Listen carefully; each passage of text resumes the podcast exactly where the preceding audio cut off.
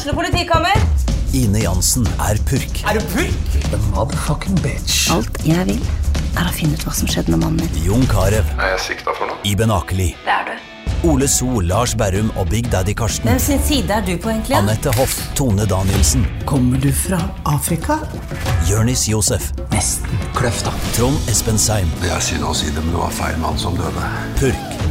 Premiere tirsdag på TV2 Play.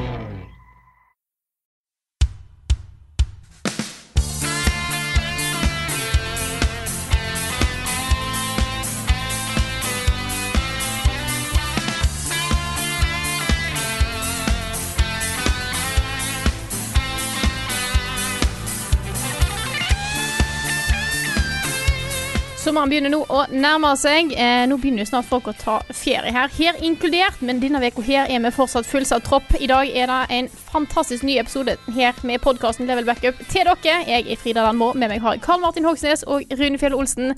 Hallo, folkens. Hallo. Hallo, folkens. Ja, Karl. Skal ikke du på ferie? Du skal på ferie du snart? Ja, jeg skal ikke så langt. Jeg skal, det blir nok mye ferie hjemme hos meg selv.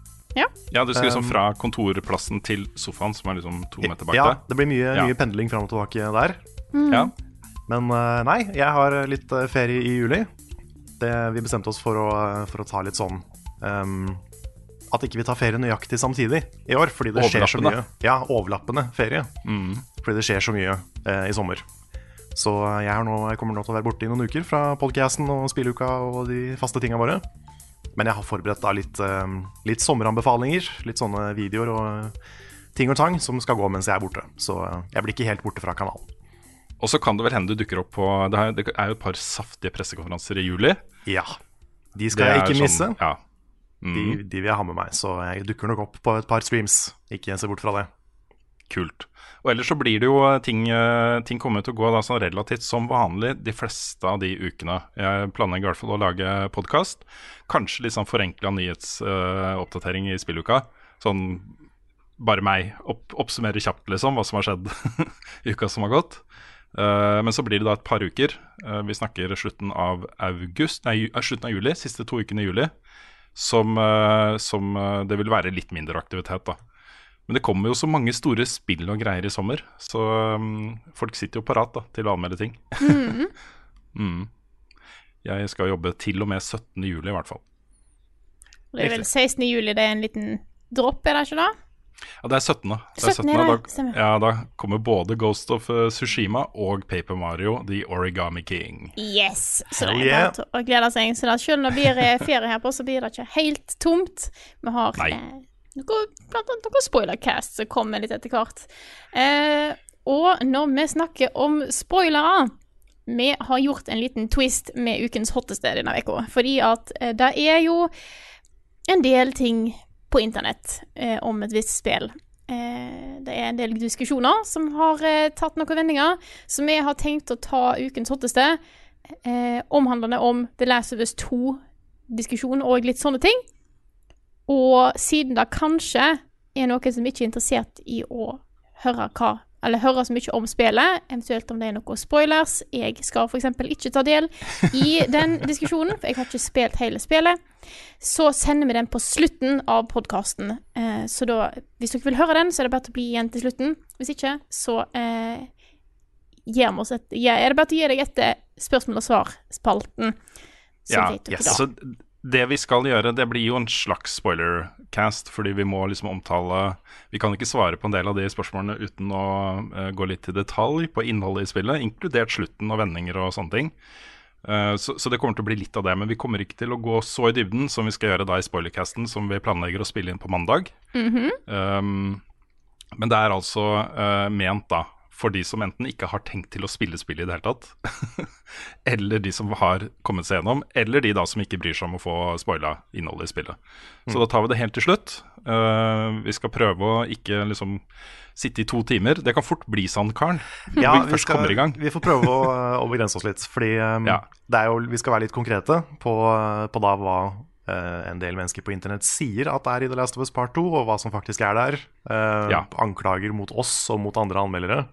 Rett og slett litt presseetikk skal vi ta og diskutere litt. Vi skal jeg, jeg skal ikke være der engang, men dere Nei. to eh, skal diskutere dette. Ja, Ja, for det er, det er så mye dårlig eh, quote unquote discourse på internett nå om The Last of Us Part 2. Eh, jeg er drittlei. Ja, så jeg jeg, jeg er så så jeg, jeg føler for å bare tømme meg litt, og det tror jeg du også Ja. gjør, Rune. Ja, ja, ja, ja, ja. Så det Så skal det vi gjøre. eh, Vi skal, det blir og en det blir, eh, insight blir fra, fra, ja, fra hvordan det er, og, og litt sånn anmeldersetting òg. Mm, så få med dere den hvis dere er litt eh, den delen hvis dere er litt eh, interessert i å høre hva Rune og Carl mener om en del av anklagene som er ute og går nå. Ja. Kan, kan jeg si én kjapp ting sånn før vi eh, så, som jeg, så sparer jeg resten til etterpå? Mm. Det er det at uh, hvis du er en sånn som konstant går rundt og anklager anmeldere for å være kjøpt og betalt, det er en veldig alvorlig anklage. Det er en anklage som gjør folk sinna. Det er sårende å, å få det mot seg. Og det er bare Det er basert på ingenting. Lær deg at mennesker kan ha forskjellige opplevelser med et spill uten at de er kjøpt og betalt av Sony, liksom. Mm. Jeg har slutt eh, med det. lyst til å eh, lese opp en, eh, en liten tweet. Eh, bare fordi at jeg ikke kan ta del i diskusjonen senere. Eh, denne tweeten er jo fra en, en veldig eh, stor person, sterk person, viktig person. Det er meg. Eh, så jeg skriver, her leser jeg min tweet, som kom da jeg var så irritert på hele saken. Anmeldelser er subjektive.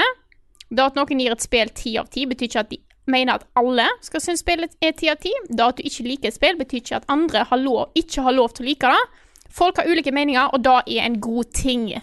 Tenk Ja, så det er, er min Ja, for det absurde her, det er jo at uh, her har en hel gjeng da, med folk gitt spillet toppscore, eller nær toppscore. Uh, jeg ser også at, uh, at vanlige folk som sitter og spiller det, leg leg- legger ut tilsvarende poster på sosiale medier. Bare det beste spillet jeg har spilt noen gang, osv. Det er åpenbart folk her som mener dette er et ti av ti-spill. Og det å påstå at alle som mener dette her er et toppscore-spill, tar feil fordi sånn og sånn og sånn, det er noe av det mest idiotiske jeg har hørt. Det er så utrolig teit. Um, det, altså jeg, jeg, jeg, forstår ikke. Og så prøver man å argumentere da om at dette her er ikke Altså, ja, jeg bare liker det spillet så godt. Så får du bare tilbake en sånn vegg av altså, manglende forståelse for at jeg faktisk kan like det spillet så godt. da Det er utrolig provoserende, altså. Det er Det er det. kjempeprovoserende. Det er, så, det, det er så mange spennende samtaler vi kan ha når det er Us Part 2, og så Ja. får vi ikke hatt de fordi det er så mye støy rundt. Ja, ja, ja. Så ja, nå, Vi hadde egentlig tenkt oss å ta dette her litt seinere, men Ja. det. det er like greit å adressere det nå, da. Ja, som i fordi- starten, liksom. Ja, fordi vi kan, vi kan snakke litt sånn spoilerfritt om det nå. Um, Ja. Og det Ja. Det er, jeg er så sliten av å, av å lese hot takes fra folk som ikke har rørt spillet, og null av ti-anmeldelser basert på spoilere som ikke stemmer, og all den der Ja, ja, ja. driten der som, som bare har s- Bare oversvømt internett. For det som er Mm. viktig her, er at du har lov til å ikke like spillet òg. Ja. Det er helt Ja. innafor. Jeg Ja. satt jo, altså, vi satt jo i et vakuum og spilte og anmeldte dette spillet. her Jeg fikk ikke vite noe om hva noen andre mente om spillet før jeg hadde skrevet min egen anmeldelse og vi to snakka sammen. Din score var den første scoren jeg hørte fra noen andre enn meg, og da hadde jeg levert anmeldelsen min. og Alt var liksom, Du hadde laget din videoanmeldelse osv. Det var første gangen jeg fikk en annen score da, på spillet, eller en annen take på spillet. Uh, jeg trodde jo, og det, det overraska meg litt, da, jeg trodde jo at uh, når anmeldelsene kom, så ville det sprike fra kanskje sånn seks av ti til ti av ti. Fordi det er elementer her som jeg visste at folk kom til å være uenige om. Um, jeg er litt overraska over at snittscoren endte opp på liksom 95-96.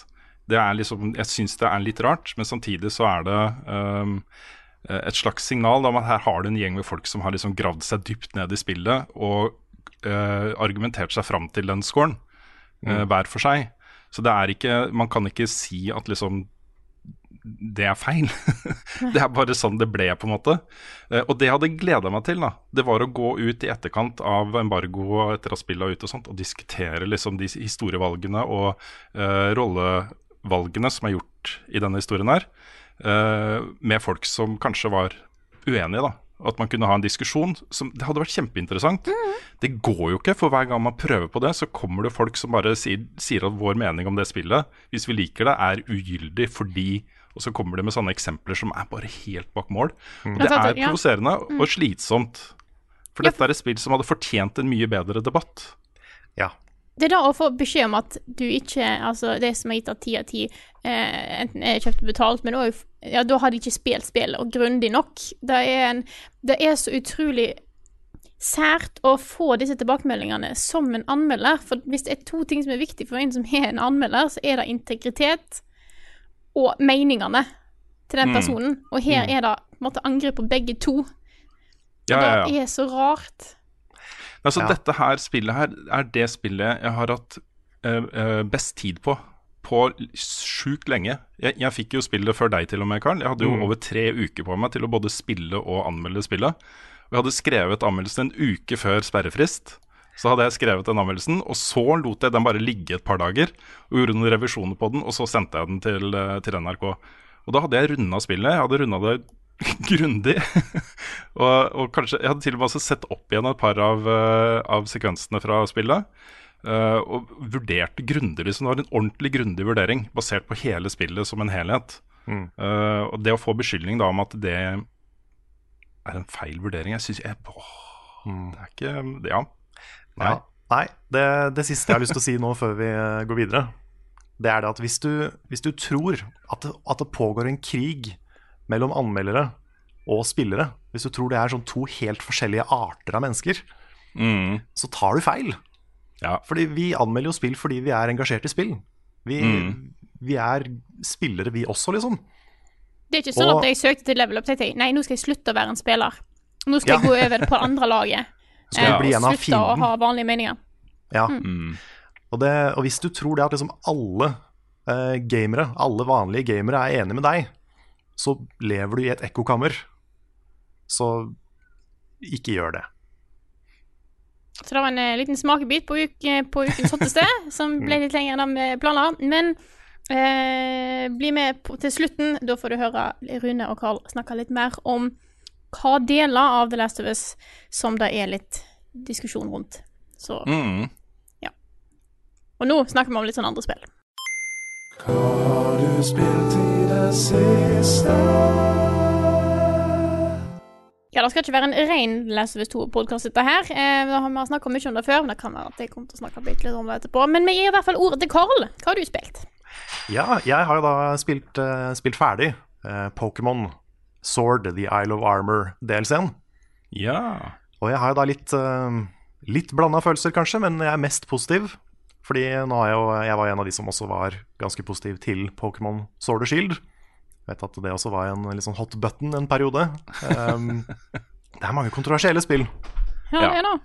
det er det. Men, um, men nei, jeg, det, det store nye her, da, det er en liten historiedel, og den var litt sånn som jeg mistenkte, ganske kort og ganske, ganske enkel. Men de har tenkt veldig annerledes med hvordan de har satt den opp, og hvordan de har uh, utvikla den historien, da, enn de har gjort i hovedspillet. Fordi nesten alt tar sted i en svær wild area, da, en ny en. Um, og den er for det første mye um, mye kulere enn den, den som er i hovedspillet. Da. Er, de har gjort en mye bedre jobb med å designe den verden. Så du har liksom Istedenfor at det bare er veldig generiske planes og veldig sånn En vel, egentlig veldig kjedelig visuelt verden, sånn som første Wild Area uh, i Sword of Shield var, da. Så har de her liksom uh, hele skoger som er helt åpne, og du har uh, huler og sånn som er litt sånn gjemt i landskapet og, og ting og tang. Masse øyer. Og det er jo ikke noe Det er ikke Breath of the Wild-kvalitet på det her i det hele tatt. Det er, det er jo en ganske, fortsatt ganske plain verden. Men det at du har ting å oppdage Du kan jo finne 151 Diglett rundt omkring som gjemmer seg. Du ser sånne hårtuster eh, som stikker opp fra, fra bakken. Så du får litt sånn collectathon inni der. Det er masse eh, Pokémon som ikke er i hovedspillet. Så det å bare gå rundt og utforske eh, den øya, da, og bare liksom gjøre det jeg har lyst til å gjøre, starte med en gang Du får liksom en liten eh, cutscene og en fight, så er du i gang, liksom.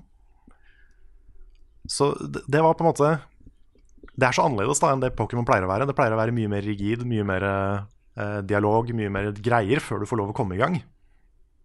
Men her så var det bare ny øy, svært område, go, liksom. Hmm. Og det syns jeg var litt kult. For det, det føltes for første gang som et i hvert fall nesten open world Pokémon-spill. da. Og det funker. Det er noe der, liksom. Mm. Og jeg håper at de fortsetter å eh, lage nye iterasjoner på den Wild Area-ideen. da. Fordi jeg syns det, det er noe veldig, veldig kult med den. Så jeg har et lite sånn håp om at eh, hvis de nå, eh, neste generasjon, da, bare bruker den enda mer At kanskje ikke det nødvendigvis må være ett svært område, fordi det er kjedelig hvis, hvis alt bare ser ut som i hvert fall de wild areaene i det spillet her, da, fordi de er veldig plaine. Men, men hvis, du har, hvis du får til både den der pene Pokémon-verden som du har i Sword and Shield, med liksom de byene som er ordentlig sånn Jeg syns de er ordentlig sånn vakre å se på. Og sånne rare soppeskoger og sånne Det er så mange fine områder i spillet. Hvis de klarer å få det også, som en del av en mer åpen verden, da, da har du et veldig, veldig kult Pokémon-spill. Som er mye mer åpent enn de, de pleier å være. da. En ting som jeg aldri helt har forstått med Pokémon-spillene Mhm. og så, De er jo veldig formelbundet. Ja. Og så baseres på eh, forgjengeren, og det er ikke så ofte de går ut av den uh, formelen. Og hvis Nei. de først gjør det, så er de fortsatt ikke så veldig langt unna. da. De holder seg liksom veldig tett opp til den. ja, det er sant. Og så har du, ved siden av dette her, så har du det Pokémon-universet på tegneserie, på film uh, osv. Dette er et univers som egner seg så godt for type Breath of the Wild-tilnærminga, og så- og så mer sånn epic greier, da. Hvorfor gjør det ikke det? Nei, for det er det jeg sitter og tenker på når du sier dette, at du skal hatt en mer At kanskje var kult med mer åpen verden, men du har litt mer område. Jeg, Det er jo Breath of the Wild. Ja, ja, Hvis du bare ja. gir da, og så bare har du istedenfor at du bare har noen få byer, så har du da åtte. Mm. Eller ni. Og så er det eh, Sant? Og så det, det, det er så mye de kunne gjort. Det er det. Jeg syns det er litt rart. Ja, jeg tror, jeg tror det er mange grunner til det. da. Men, um, men det er jo fordi du kan jo sammenligne Pokémon litt med Zelda før Breath of the Wild. Mm. At de, de, de, de spillene også var jo veldig like. Du fikk Mm, liksom mm, sant, en, en item i en dungeon, og så bruker du den, og så får du en boss, og så får du en ny item i en dungeon, og så, ikke sant? Mm. Og Pokémon er litt sånn. Uh, tar museskritt i, i riktig retning og mot framtiden og sånn. Men um, jeg tror da at selv om Pokémon er en massiv billion dollar franchise, liksom, så tror jeg Gamefreak som team fortsatt ikke er sånn megasvært. Og at de Mm. kanskje Altså, de alltid lager håndholdte spill. De har ikke så mye erfaring med å lage store trippel A-spill. så jeg tror det handler litt om det. altså. At Gi de- det til Retro Studios eller uh, Nintendo selv eller et eller annet. hvis, hvis Nintendo, hvis Breath of the Wild-teamet, eller Monolith Ja. Soft eller noe sånt, hadde laga liksom et Pokémon-spill, det hadde blitt awesome. Ja, jeg tror det, da. Mm. Men jeg tror eh, det er jo mange som er fly forbanna på Gamefreak og mener at de er late og sånn. Jeg, jeg mener at man aldri skal kalle spillutviklere late, fordi det å lage spill er per definisjon dritvanskelig og tidkrevende og i mange tilfeller litt fælt.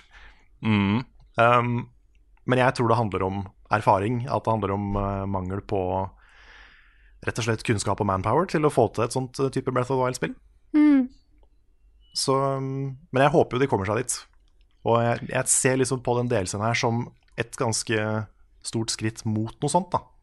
Mm. Selv om det er eh, uperfekt, så er det på en måte Det er noe der. Og du merker at det kan funke hvis de bare utvikler det enda mer. Mm.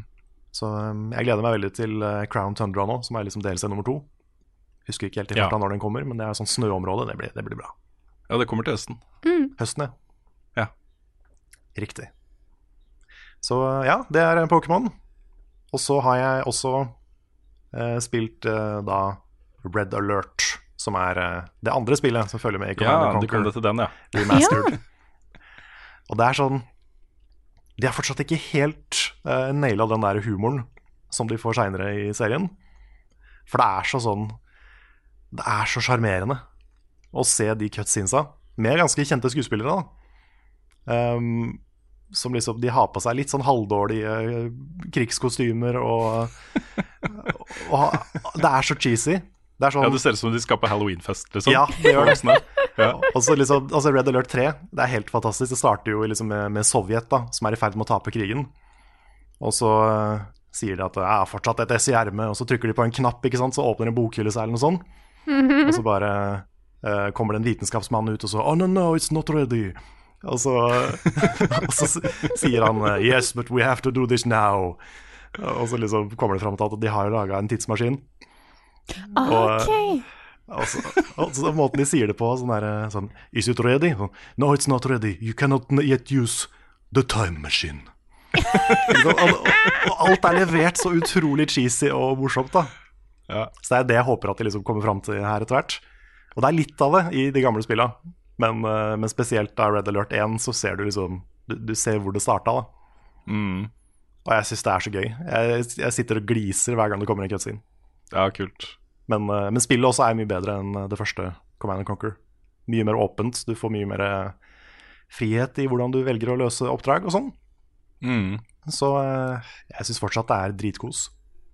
Dette her er jo starten på den moderne RTS-sjangeren. Det her var jo tidligere Westworld, som eh, Da hadde du Westwood. lagd Dune 2, som er din. Ja? Westwood. Westwood mener jeg selvfølgelig ja, jeg ble, Men uh, da gikk de da videre til Command and Conquer og så Red Alert og de tingene der. Og det er liksom, dette er på en måte starten på en veldig bra greie, da. Ja, fordi er, jeg, jeg spilte jo bare Dune 2 da jeg var liten. Mm. Uh, og det å oppdage Command and Conquer nå, da Jeg har spilt Red Alert 3 og sånn. Men det å oppdage de gamle uh, Command and Conquer-spillene er som å få en oppfølger til det Dune 2, da. Ja, for det er jo i praksis egentlig Ja, det er det. Det er jo Mm. veldig, veldig mye av det samme. Så eh, for meg så er det kult å oppdage liksom masse oppfølgere jeg ikke spilte, da. Mm. Så det er, jeg syns det er kjempegøy. Nostalgi done right. Ja, det er det. Og det er en bra remaster òg. Jeg må bare legge til det. At de har Mm. liksom gjort alle De har tegna units på nytt, de har gjort HD i det hele tatt. Ja. Yes, Yeah. skal jeg ta over? Do it. Jeg må snakke litt om of Fordi eh, Nå, jeg, altså, hadde jeg begynt Jeg hadde ikke begynt på det for forrige uke, så hadde det ikke kommet ut ennå. Nei, det stemmer det. Jeg måtte bare Du har sjekke ikke snakka om det før. Mm. Fordi det er jo Jeg har fått med meg at det er, er historien som er kontroversiell. Eh, jeg tror ikke jeg har kommet til de bitene ennå. Jeg tror jeg er på første halvdel av spillet. Og hvis det er en Jeg har lyst til å bare trekke fram litt ting. Eh, jeg har nevnt det før i level up-sammenheng.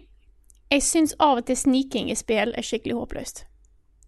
Jeg syns at da, det er mange spill som løser det på en måte. Du er nødt til å snike deg rundt. Hvis du blir sett, så er du død.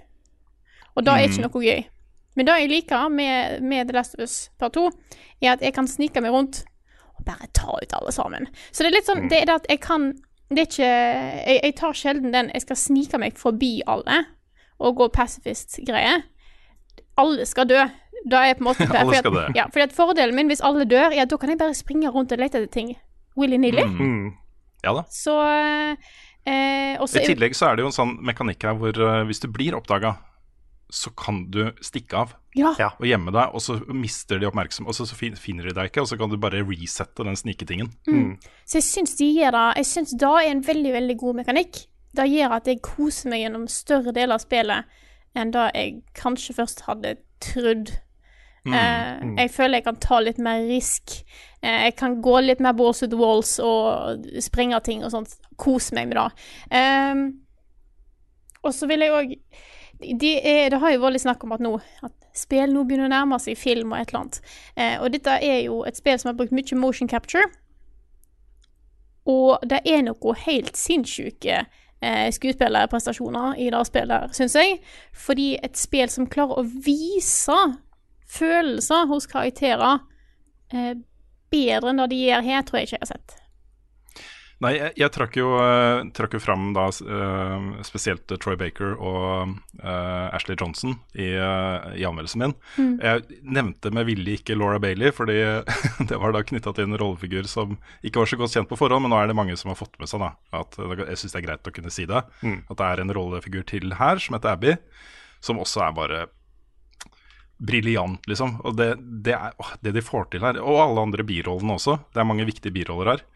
Dette er skuespill på høyt nivå, altså. Ja. Eh, Du merker så godt hvor hardt jeg har jobba med dette her i studio. Ja, det er, det er nok kanskje det spillet jeg har spilt som mm, Altså, flest ting blir kommunisert med kroppsspråk, da. Ja, Mm. og det er, Det er da de får det så som- bra. Ja, det er så mye show don't tell i det spillet her. Ja. Og det er veldig, veldig bra. Så, så da vil jeg eh, si eh, Jeg tror jeg hadde en ting til. Jo, det ser veldig, veldig lekkert ut. Dette er jo, sånn er det jo når det er på slutten av levetida til en konsoll, og vet de akkurat hva de skal trykke på for å få fram alle de beste kvalitetene. Det er jo eh, Jeg har jo den gamle PlayStation 4-en. Mm. Da kan du høre. Den er ikke fornøyd. Den er Ja, misfornøyd. Den er suser som et helvete. Ja, det er min også. Jeg har jo Pro. Ja. Den også er eh, Ja, nå har jeg aldri åpna den da, og rensa den. Den har nok fått kjørt seg hardere enn de fleste PlayStation-konsoller. sånn fra før. Ja, fordi jeg skjønte lenge ikke hva folk snakka om, at den var så bråkete. Men nå begynner min å bråke. Min, eh, min Pro. Så jeg, nei, Mm. jeg, jeg vet jeg burde ta en eh, rens brann, jeg har bare ikke orka å gjøre det. Eh, men da får vi ut og teste litt eh, høyttalerne i TV-en, fordi at jeg skrur opp volumet bare for å ikke høre susinga. Eh, så da Ja, det er litt morsomt. Altså, det, dette er jo, det fins jo guider på nett uh, på hvordan du åpner PlayStation-konsollen og renser den. Jeg har, eh, jeg har nok lyst til å gjøre det selv. Jeg har også sett folk kjøpe sånne ti meter lange HDMI-kabler, og så setter de konsollen ut på balkongen eller inn på et annet rom og sånne ting. Så det fins måter å komme seg unna den der på, da. Selv så sitter jeg med headset og ganske høy lyd. eh, og klarer å filtrere ut litt den eh, flymaskinen som står rett ved siden av meg, da. Men, eh, men det er litt sånn Ja, det, jeg håper at PlayStation 5 blir mer stillegående av dette her. Og så er det også sånn, da. Jeg får en del spørsmål fra folk som lurer på hva slags modell av PlayStation man bør kjøpe seg. Og nå husker jeg ikke hva det serienummeret er, men fra et serienummer og oppover så er det gjort en del forbedringer på innmaten i PlayStation 4 som gjør at uh, den er mer stillegående. Og jeg, min er jo da fra før det. og de fleste er kanskje det. Men hvis du kjøper en ny PlayStation i dag, eller brukt, så sørg for å finne ut hva det serienummeret er. Sånn at du i hvert fall kjøper den modellen som, hvor de har jobba med disse tingene på innmaten. Men det du, det du sier om stealth, eh, Frida, -hmm. det er så viktig for meg òg, fordi um, jeg syns jo Uncharted 4 er et så mye bedre spill enn Uncharted 3. Og det er mye fordi Uncharted 3 gjorde meg irritert å spille. Fordi du kunne Altså, det, det la hele veien opp til at du kunne være stealthy. Men så kan du egentlig ikke det. For uansett hva du gjør, så kommer du til å trigge en sånn eh, massiv shootout. da Mm. og det, bare det grepet, å gjøre at det ikke er nødvendig, det gjør både The Last of Us 2 og Uncharted 4 så mye bedre for meg.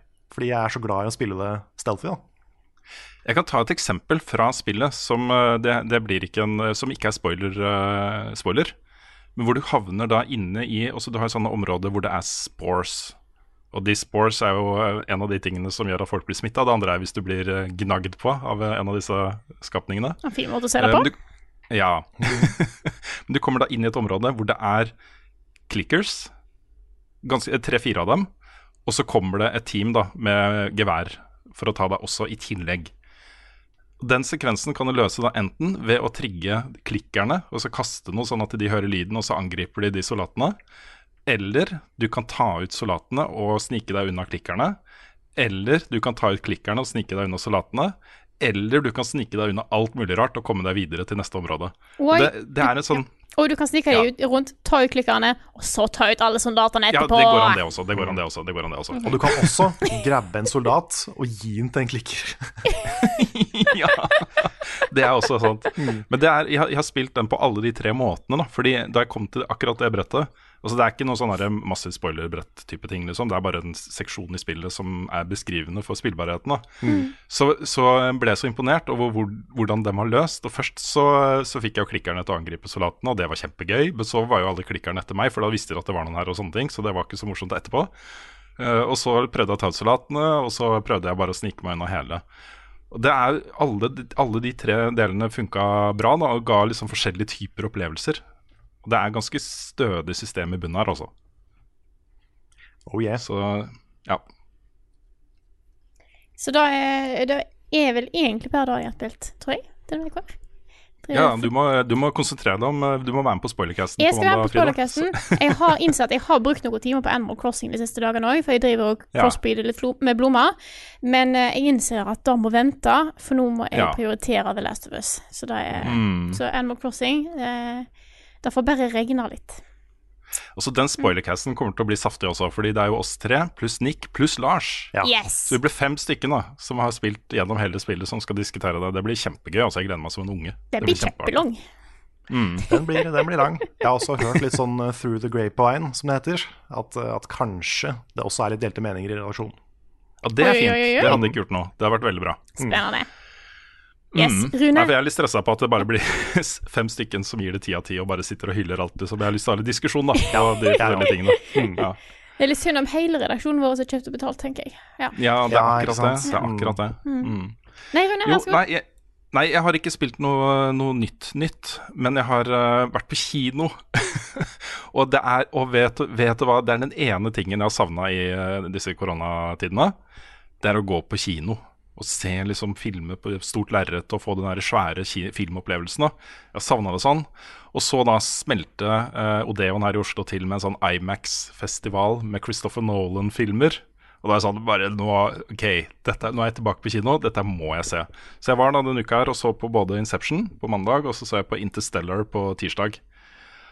Og det å se disse filmene her også på, på IMAX-skjerm, og bare la de fylle hele meg det er sånn, Særlig Interstellar da, har nå vokst fra å være liksom kanskje topp fem til å være topp to. All time. Den filmen er bare så sterk. da Å se den i det store formatet der. Disse sekvensene hvor du er ute i verdensrommet og du, det lille eh, skipet ditt flyr forbi Jupiter og sånne ting, liksom. Eller gjennom sorte hull og alt dette her.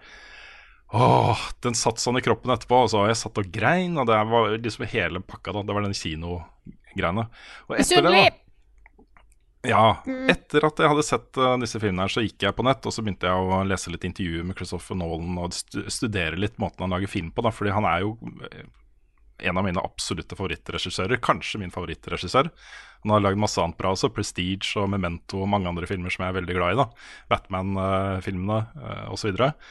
Um, jeg, jeg har så respekt for måten han snekrer historier på. og så måten han går inn og liksom er historieteller som fag, da. Også som, som han, er, han har så presisjon på hvordan han forteller historie, hva slags rollefigurer som er med, hvordan han snekrer liksom sammen scener som skal treffe publikum på spesielle måter. Uh, og det er liksom en sånn inntrykk da mange kanskje har av manusforfattere og forfattere generelt, at historien bare kommer fra et sted. Også de bare tømmer seg for altså Det bare dukker opp. Uh, eh, sånn tilfeldig, som et sånn lite mirakel. Men dette er et fag, og det er presisjon som kreves, og det er dyktige historiefortellere og mindre dyktige historiefortellere. Noen historier kommer liksom ut, da, men så må de foredles uh, på en måte. Og det er det han gjør, da. Altså bedre enn noen andre, syns jeg. Så eh, fryktelig glad i Christopher Nolan, altså. Det, er, det var en herlig opplevelse.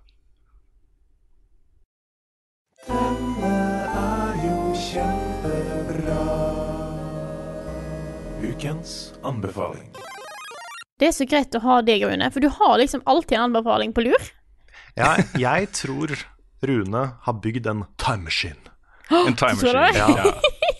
ja, men jeg må jo innrømme at det er litt sånn når jeg går gjennom uka, så, så, så er jeg på utkikk etter ting jeg kan anbefale også.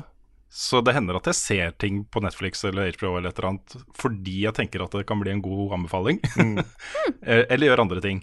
Uh, og før jeg tar Jeg har gjort et sånt grep denne uka her også. Eh, men før jeg tar det, så tar jeg et spørsmål som har kommet fra Kristoffer Gettoboys Hansen Leistad. Som spør i uka som gikk, fikk vi lansering av boka Spillpedagogikk. En bok for å hjelpe lærere å bruke spill i undervisningen. Tror dere at dette kan bidra til at flere lærere ser nytten av å bruke spill for læring? Og Det han snakker om da, er en bok som ser sånn ut, folkens. Viser jeg på Ja, til to personer. ja. uh, den heter da Spillpedagogikk, undertittel 'Dataspill i undervisningen', skrevet av Jørund Høie Skaug, Alexander Husøy, Tobias Staaby Ståby og Odin Nøsen. Eh, og det er, dette er lærere eller folk knytta til uh, skoleverket i Norge. Som innleder boka med å si at dette er en uh, slags brennende, lidenskapelig argumentasjon for dataspill i undervisningen. De har det som utgangspunkt. De er veldig positive til dataspill i undervisning. Og så eh, trekker de da fra sin erfaring med å bruke dataspill aktivt i undervisningen, for å komme med konkrete råd til hvordan det kan brukes i undervisningen. Så dette er jo ment da, som et sånt verktøy som lærere kan bruke for å implementere dataspill i undervisning. Og jeg, jeg, Med en gang jeg hørte at den boka kom, så hadde jeg lyst til å lese den, fordi det spørsmålet får vi så ofte. Fra lærere eller folk knytta til undervisning. Hvordan kan jeg bruke spill i undervisning? Og det blir Vet du hva, jeg føler meg så eh, svak eh, argumentasjonsmessig når jeg skal svare på det spørsmålet, for det blir jo sånn Ja, det er jo liksom mye sånn gamle eh, Mye historie man kan Ikke sånn Civilization Kanskje, kanskje litt så det blir sånn litt vagt, da. Assassin's Creed eh, eh, Så her går det da gjennom mange konkrete forslag til hva slags spill som kan brukes i undervisningen, hvordan man kan bruke de, hvordan man skal inkludere uh, elevene, osv., osv. Jeg har ikke lest hele boka, jeg har bladd litt uh, i den, og det oppfordrer de også folk til å gjøre. Fordi det er liksom del, den delt inn på samme måte som gjør at det er ikke alt nødvendigvis her som er interessant for alle. Hvis du er en lærer, da, på ungdomsskolen eller videregående eh, som har lyst til å bruke spill i undervisningen, så kan du gå liksom rett på de kapitlene. Disse spillene kan du bruke, og sånn kan du bruke dem. Og disse fagene kan du knytte det til på den og den måten. Det er uh, kjempebra, altså. Eh, ja. Særlig sånn mot, mot etikk, Ja. etikkfag, KRLE. Det første, jeg tenkte, det første jeg tenkte når du sa at du ikke hadde lest boka ferdig, var at sånn, nei, men jeg har vært på Reddit og vært på YouTube og ja, Ti av ti. hørt om folk som har Ja, nettopp. Nei, men det, Dette er jo ikke sånn først og fremst en bok for meg. Jeg vil bare ha liksom noe jeg Nå kan jeg si det, da, når folk spør. Ja, du bør lese boka 'Spillpedagogikk'. For der er det mange gode, gode innspill. Eh, den gjengen her, eller noen av dem, har også en podkast som heter 'Spillpedagogene'. Som er veldig bra. eh, hvor de diskuterer ting litt mer i detalj. Da, enkelttemaer og sånne ting. Um, jeg ser for eksempel, altså, En av de tingene de anbefaler, det er jo å spille spill på andre språk. F.eks. Firewatch sett på fransk tekst i franskfaget. Så sånt språk, eh, språkfag og sånne ting er det, er det mange muligheter. Eh, og da som nevnte sånn etikk, moral, For inngående forklart hvordan de bruker eh, The Walking Dead-spillene til Telltale i, eh, til å diskutere etikk. eh, og hvordan de gjør det, rent faktisk. Og det er, jeg syns det er kjempebra. Eh, og håper at, eh, at eh, det kan spre seg. da At flere lærere kan få øynene opp for betydningen av å bruke spill i undervisning. Eh, for de sier jo da også at man skal ikke liksom bare sette seg ned og spille et spill, og så la kidsa gjøre det på egen hånd. Man må ha et undervisningsopplegg rundt, man må ha et bevisst forhold til det. Man må liksom involvere seg i det som gjøres, på en veldig konkret måte. da Læreren bare Yo, what up, it's your boy, nå skal vi spille Dette er min Let's Play av Super Mario, liksom. Ja, det er litt morsomt, fordi en av disse forfatterne som har skrevet her, han, han eh, innleder da med første gang han skulle bruke da et spill i undervisning. Så kommer han inn i klassen og sier Folkens, i dag skal vi gjøre noe fett. Så det var veldig morsomt. Jeg blir liksom litt nysgjerrig på den boka sjøl. Eh, jeg tror det har vært interessant å bare vite hvordan spill kan brukes på den måten. Mm. Eh, Selv om dette ikke, kanskje er en bok for meg likevel. Eh, Nei, jeg så tror det er jeg litt skal- interessert. Tror jeg skal skaffe meg den boka her og educate myself. Ja, det er det det handler litt om, da. Educate yourself. Det er For for sånne som oss er det jo veldig nyttig, da. Ja. Det er mye gode, god informasjon her, og uh, interessant å se hvordan det brukes. Så um, har jeg jo et par barn også som skal gjennom skoleverket. Kanskje jeg kan komme med noen innspill på foreldremøter og sånne ting, på hvordan dette her kan gjøres. Så uh, ammunisjon, vet du. Ammunisjon.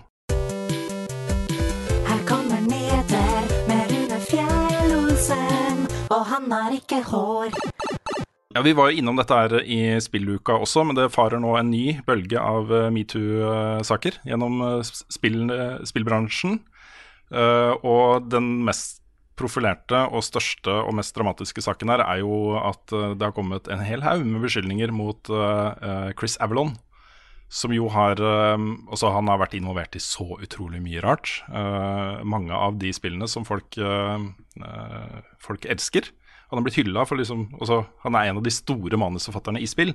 På Prey, Divinity Original Sin 2, uh, Pillars of Eternity, Neverwinter Nights, uh, Baldur's Gate-spill, Icewind Dale, og så masse da, fra langt tilbake i tid. Uh, han eh, har fått masse alvorlige beskyldninger mot seg, og um, uh, ja det, kan se ut som karrieren hans er over. Det var litt interessant, for jeg skulle gå inn på Wikipedia-siden hans. For det, han har jo uh, jobbet med to kommende store spill. Um, uh, Vampire the Masquerade, Bloodlines 2 og Dying Light 2 står han oppført da, har stått oppført som writer på. Han har også uttalt seg i intervjuer om historien i disse spillene her. Uh, nå er de fjerna fra Wikipedia. De står ikke på Wikipedia lenger. Noen har gått inn og redigert bort han da, fra uh, credits der. Så det virker som om de har tatt solid avstand, disse to studiene, og uh, erstatta han med andre. Så eh, det her var et sjokk for mange, tror jeg. Eh, at det gjaldt han. Og så snakka vi også om i spilluka en eh, ikke navngitt eh, Ubisoft-topperson. toppperson, som da viser seg å uh, være Ashraf Ismail, som er regissør for Assassin's Creed Valhalla. Og har også stått der bak Origins, uh, Assassin's Creed Origins. Um, som da uh, har hatt minst tre kjærester i tillegg til kona si. Ja. Det som, det som gjør dette her til litt mer enn bare en utroskapssak, det er jo det at han har brukt posisjonen sin eh, i Ubisoft for å gå inn i disse forholda. Ja, men dette her er jo, dette, dette er jo, gjelder jo på en måte de fleste eh, av disse eh, sakene også. Mm. Fordi eh, noen av de historiene som har kommet ut om Chris Avalon, er jo at, eh, at eh, folk, eh, damer da, unge damer i spillbransjen, har liksom vært på fest med han, uh, blitt servert alkohol, våkner opp uten klær og uten noen minne om hvordan de har havna der. Det er den type, det er den type beskyldninger som kommer, da. Ja. Så, så det er utrolig alvorlig, og det, det er jo på en måte det hele metoo handler om, er jo eh, menn da i makt, maktposisjoner, som bruker sin posisjon eh, mot kvinner. Som kanskje er på vei inn i spillbransjen, eller som frykter liksom for hva som kan skje da, hvis de sier nei, osv. Ja, Det er det Så- forholdet så- mellom for det første da, samtykke, som det i mange av de tilfellene her ikke har vært, øh, Mm. og for det andre liksom den, det, det skeive maktforholdet. For det, det, det er skummelt. Det er det. Ja, det er kjempeskummelt. Og hvis du tar en, eh, en personlighet da, som Chris Avalon, som, eh, som jeg vet det er, det er mange som har på en måte vært, eh, om om ikke venner med han, så i hvert fall bekjente. da.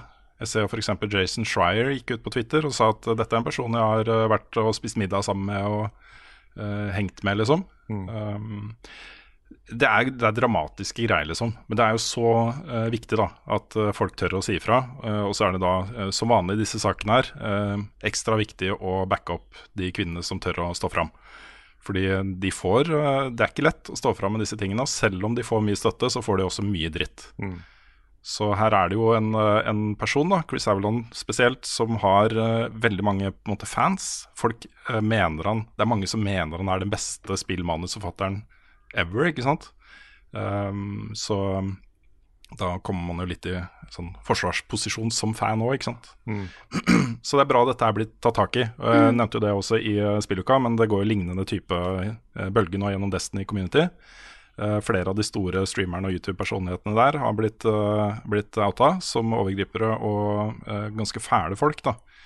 Uh, og da ser jeg også at, at de som ikke er det, kommer med massiv støtte til ofrene for dette her.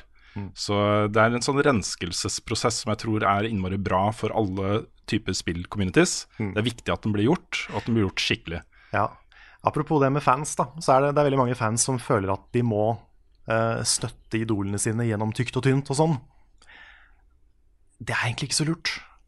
Fordi, altså, gjør man, altså, har, har man blitt tatt i noe så alvorlig, så, så hjelper det ikke at en haug med folk på en måte bare hardnakka og blindt støtter dem. Fordi dette er alvorlig. Dette er jo en veldig komplisert uh, sak, akkurat den biten av det. Fordi uh, det er utrolig mange av de kunstnerne som vi hyller og respekterer og ser opp til, som det går Som har vært ganske fæle personer på privaten. Picasso, for f.eks. Uh, og det er liksom Det å skille kunsten fra mannen osv. er en, en ting da som uh, det er verdt å liksom bare ta litt opp og studere litt og se litt på og vurdere og diskutere og alt dette her. Um, men det, det er, og jeg syns det er ubehagelig, ubehagelig å tenke da på at når vi eh, snakker om å liksom bevare Y-blokka her i Oslo, som har disse kunstverkene av Picasso, og samtidig vite alle de tingene han har gjort. Han var jo en, en skikkelig, skikkelig gris, altså. En ordentlig, ordentlig gris. på, fullt på nivå med alle disse som blir outa nå i metoo-skandalene. Det er, eh, ja Det går jo også mye rykter nå om, eh, om Churchill som person. og Det, det, er vel sånn, det virker som vi er, vi er litt tilbake på å analysere menneskene bak disse idolene som samfunnet har skapt. da. Mm. Og det, jeg tror det er sunt. Ja, jeg Og- tror også det er sunt. Og jeg bare, vil bare legge til at eh, selv om ikke ukritisk støtt eh, kjendiser, youtubere og sånn, heller ikke, det, det er heller ikke nødvendig å delta i sånne hatkampanjer. Nei. Nei. Det er liksom bare, men bare på en måte ha en sunn avstand til menneskene man ser opp til. er på en måte viktig. Ikke, ikke se på de som guder og, og feilfrie mennesker, liksom. Og det gjelder Mm. også. Hvis, hvis jeg ja. driter meg ut, så vil jeg høre det, liksom. Du, du trenger ikke å dokse meg og gi meg drapstrusler, men gjerne fortell meg at dette var ikke greit. Ja.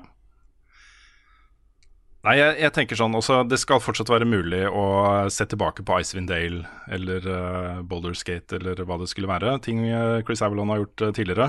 Uh, og sette pris på de spillene. Det er jo ikke bare han som eh, har vært med på å lage de spillene. Uh, og han, det er jo utrolig kjipt for alle de som blir assosiert med han da, på Teams rundt omkring, som har vært med å lage spill med han, uh, og som er decent folk.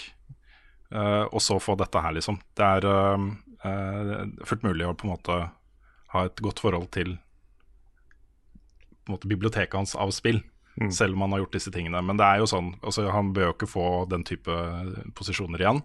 Nei. Um, det, det mener jeg jo ganske sterkt. Yes. Vi um, starta med en, eh, en eh, liten nedtur her. eh, og så fortsetter vi med det som da ble en liten nedtur, fordi um, uh, Nintendo har da avduka et nytt Pokémon-spill, og folk gleda seg sånn. Og hva kunne dette være? Og det var det store Pokémon-spillet som de sparte og lagde en egen direct for.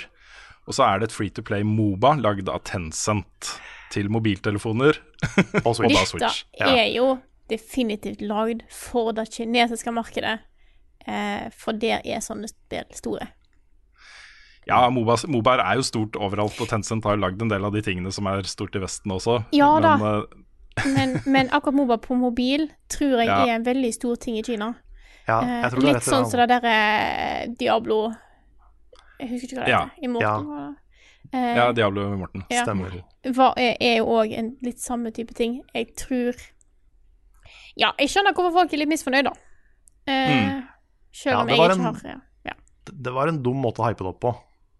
Jeg, jeg tror nok samtidig liksom at, uh, at uh, Pokémon er et konsept som egner seg godt til en Moba. Så hvis det gjøres riktig og det blir et bra spill, så kan det bli kjempegøy å spille. Så vi snakker jo liksom team battles og uh, alle disse tingene her. ja, definitivt. Uh, det er ikke blitt gjort i Pokémon-sjangeren fra før. Nei, Eh, ikke så i det kan- engang. Nei, så det kan jo hende at dette her blir veldig bra, men jeg er litt sånn skeptisk både til at det er liksom Tencent, og at det blir mikrotransaksjoner, at det er free to play, Mm. og disse tingene. Man bør ha en viss sånn sunn skepsis da, for den type spill. Ja, jeg er Um, helt enig. Jeg ble jo eh, gradvis mer interessert etter hvert som den presentasjonen gikk. For jeg syns um, Altså, Moba har ikke vært min sjanger fram til nå. Men jeg er i utgangspunktet liksom åpen for å teste en Pokémon Moba. Jeg tror det å, det å faktisk være ti personer og spille sammen, det kan være kult. mm. Og hvis, hvis spillet blir så bra som det potensielt kan bli, da, og ikke blir ødelagt av mikrotransaksjoner og sånn, så er det noe her. Ja, Ja. det er, jeg syns også det er noe her, altså. Mm. Jeg tror bare- nok nyheten ville blitt bedre tatt imot hvis ikke det var haussa opp på den måten som det ble på forhånd. Ja, det, det er helt sant. Jeg tror jo òg at uh, Altså, jeg er jo litt naturlig skeptisk på grunn av at Nintendo ikke har hatt de beste uh, mobilspillene så langt. Eh, Og nå vet jeg ikke om jeg stjeler en uh, nyhet fra deg, Rune, eller hva det er, men Nintendo har jo sagt at de har trappa veldig ned på den mobilsatsinga som de Ja. gikk ut med for noen år siden, og sa at de skulle ha bare tre til fire mobilspill i året.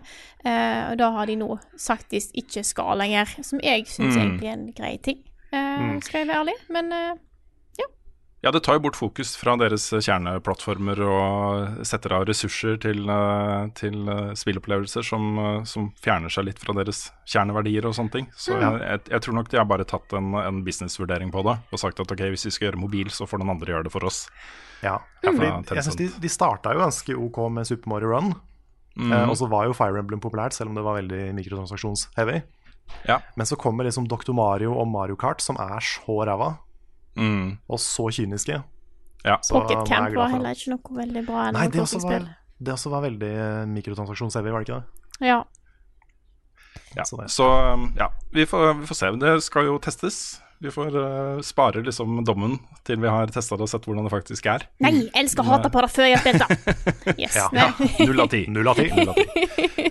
All right. Um, jeg har jo vært litt sånn skeptisk til Marvels Avengers-spillet. Jeg syns det de har vist fram av det til nå, har vært litt sånn labert.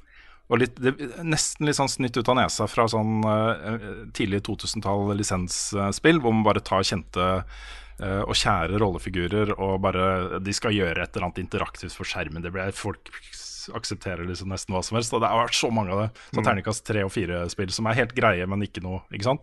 Det er sånn det har sett ut. Men nå da hadde de en, en eh, ganske grundig presentasjon av dette spillet her. Uh, og nå er jeg on board, altså. Jeg syns det ser mye bedre ut. Uh, det, for første gang så tenker jeg at dette kan bli et skikkelig bra spill. Um, og det de har vist fram, er jo uh, f.eks. den spillbare rollefiguren uh, Kamala Khan. Eh, og da fikk jeg litt sånn der, Dette er Crystal Dynamics. Jeg fikk litt, fikk litt Tomb Raider, Lara Croft-vibber av eh, de korte glimtene av spillbare sekvenser som du kunne se henne da. Eh, som er da en Marvel-fan og har krefter av et eller annet slag. Ja, er ikke hun Miss Marvel? Ja, er det det? Jeg tror det.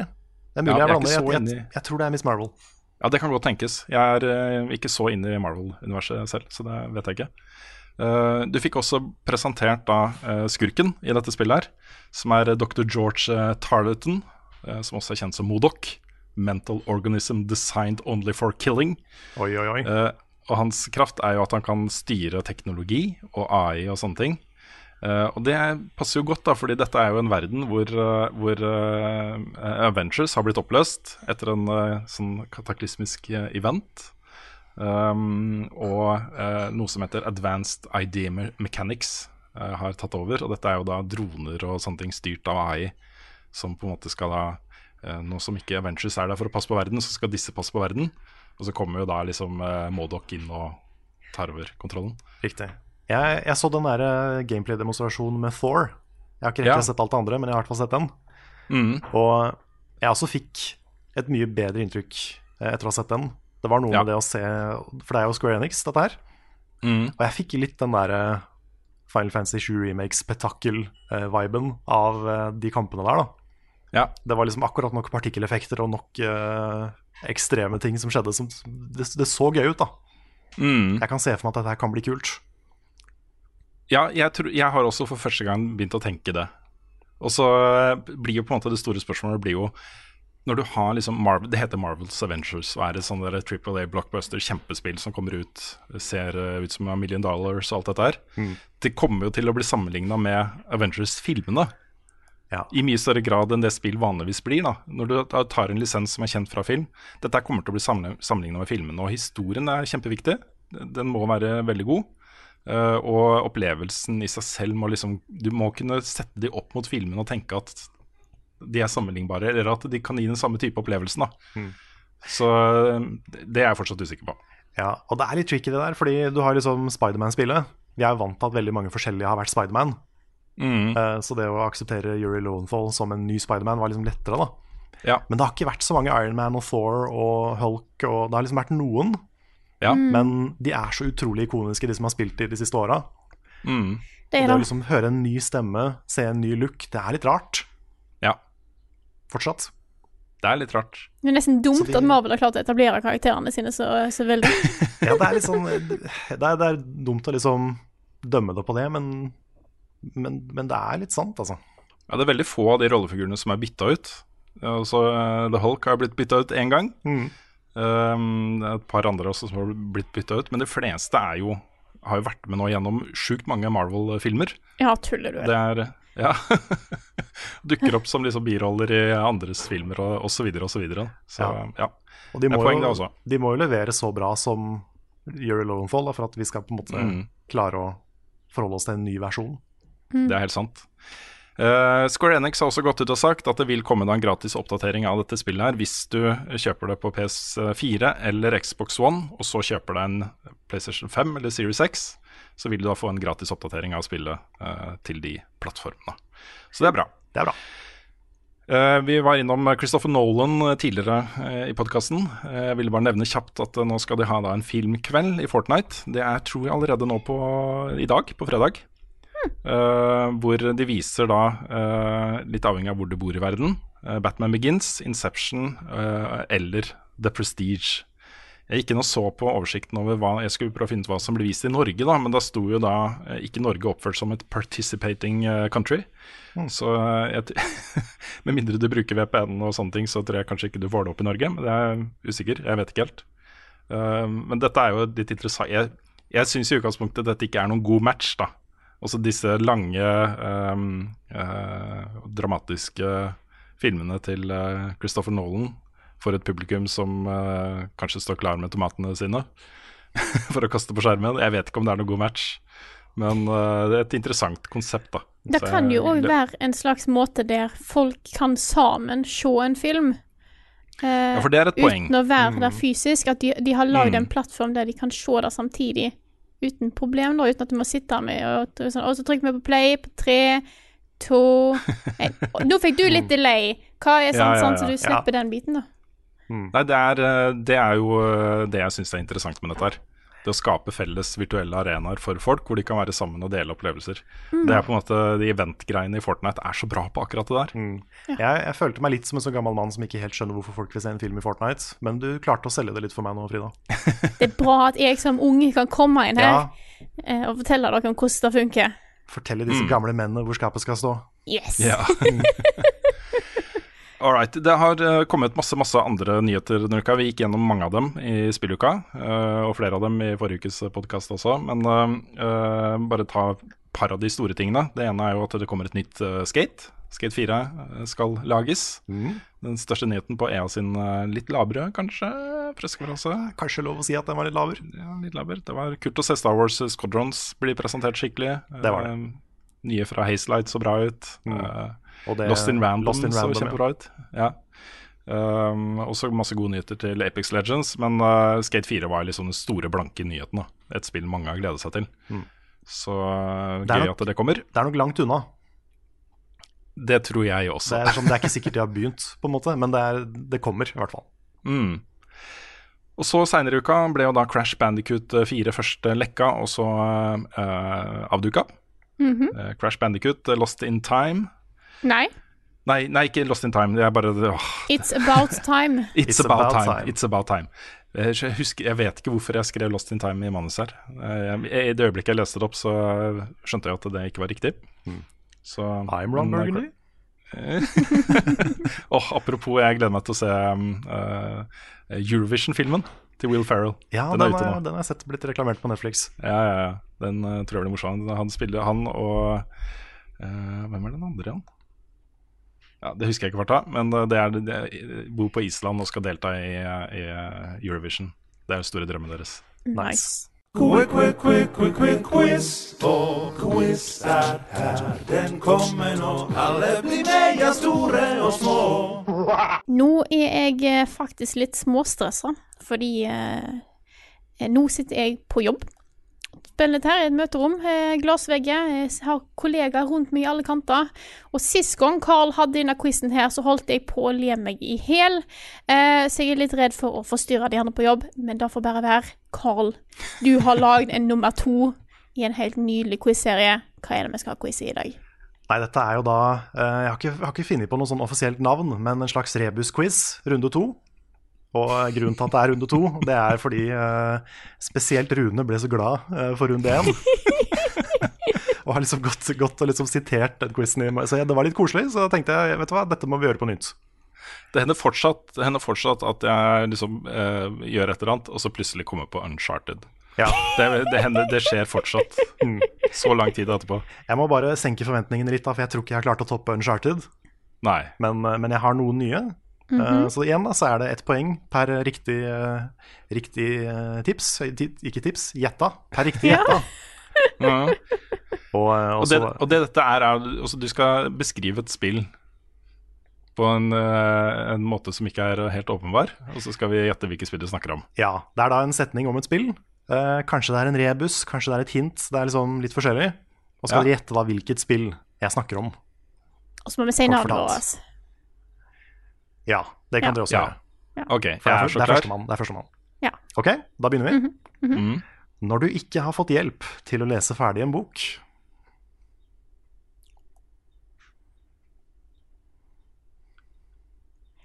Når du ikke har fått hjelp til å lese ferdig en bok. du har ikke fått hjelp Det Er ingen som vil tippe? Åh, Jeg har et Nei, jeg, eller annet, men jeg er Rune. Um, eh, åh, hva pokker Nei, vet du hva, det er feil. Når du ikke har fått hjelp.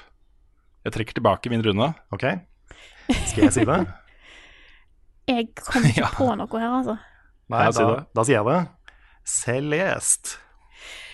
Å, herregud! Den var, den var litt, litt forsøkt. eh, Nei, nei, Er det selv- nivået det ligger på den gangen der? Celeste. Ja, dette er nivået det ligger på. um, så det, riktig svar var altså Celeste. Ja. Selvlest. Jeg er Ja, okay. Ja. Eh, når du har møtt veggen, men likevel har det kjempebra.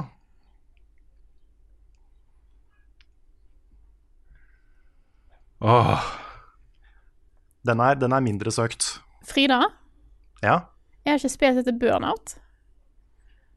men når du likevel har det kjempebra Ja, jeg, OK, jeg tenkte Ah, mer på Rune? Ja. Rune? Burnout Paradise. Det er helt riktig. Da, jeg syns dere skal få Frida, du kan få et halvt poeng, Takk. siden du sa burnout. Dette visste ikke jeg at var det, yes, det er greit, jeg kan ta et halvt. Jeg går med på den. Ja. Yes. Eh, den gamle mannen leser fort gjennom en artikkel på internett.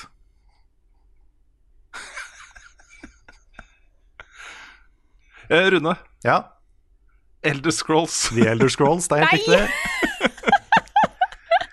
Eh, armbåndsur putta på et populært kjæledyr. Rune.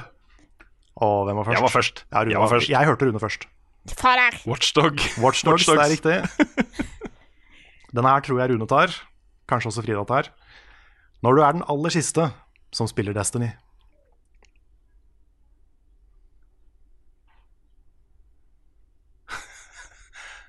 Eh, Rune. Ja, The Last Guardian. The Last Guardian, helt riktig. Nå eh, drar du fra her, Rune. Innholdet i en dyne. Frida. Rune. Å, det, det var Jeg var litt. først her òg, altså. Rune var først. Dune. Dune er riktig. Når du kjenner Jennifer Lopez og casually hilser på henne på gata.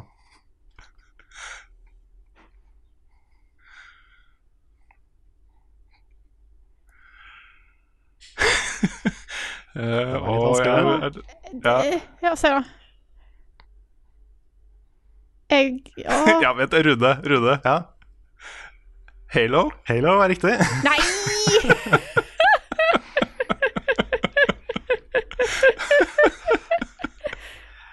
Når du er en fyr som har skrevet mange populære sanger.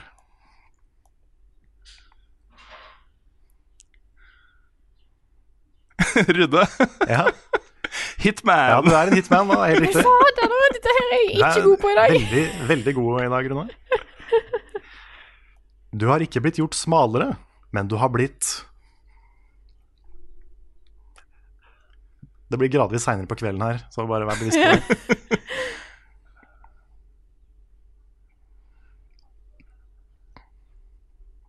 Det er ikke nødvendigvis helt riktig norsk heller. OK, ja, for jeg tenker engelsk med en gang, vet du, så dette Ikke bli smalere, men du har blitt gjort Ja, altså, du har ikke blitt gjort smalere, men du har blitt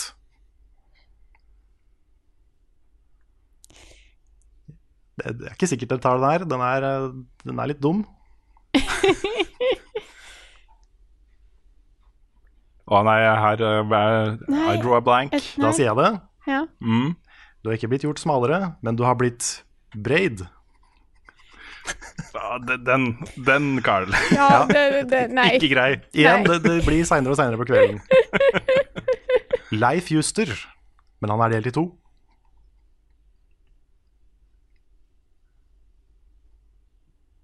Den er ikke så vanskelig. Jeg husker ikke hvem Leif Juster er. Han er delt i to. Eh, Rune. Mm, Half-Life. det er helt riktig. Half-Life er korrekt. Oh, den var jeg hadde, jeg hadde jeg, jeg, Den begynte liksom dette og på plass hos meg òg, når du sa det. Å, herlig, altså. Og dette her er den jeg er mest fornøyd med. Den er kanskje den vanskeligste, men den er også, jeg er også veldig fornøyd med den.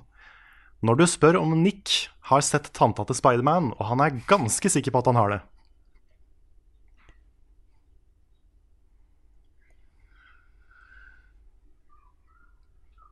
Blir imponert hvis dere tar den her.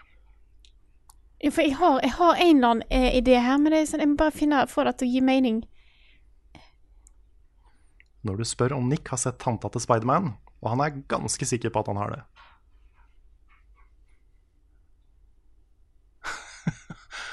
Åh.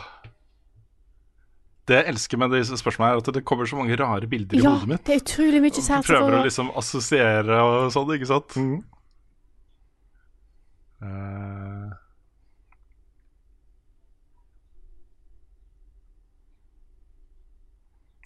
Da tror jeg tiden begynner å gå ut. ja, ok. Ok, Når du spør om Nick har sett tanta til Spiderman, og han er ganske sikker på at han har det, da er samtalen Så Nick May? Nja. Å, herregud, Carl. Sonic Mania. Den var veldig bra, altså. Takk for det. Vanskelig, da. Ja, Vanskelig, ja. den er veldig vanskelig. Eh, Supermann møter sønnen til Kratos. Frida. Frida, Super Meat Boy. det er helt riktig. Poeng. Eh, det er bare noen få igjen. Lord Kuro ser en rar bergart på bakken og snur seg for å fortelle det til Sekiro.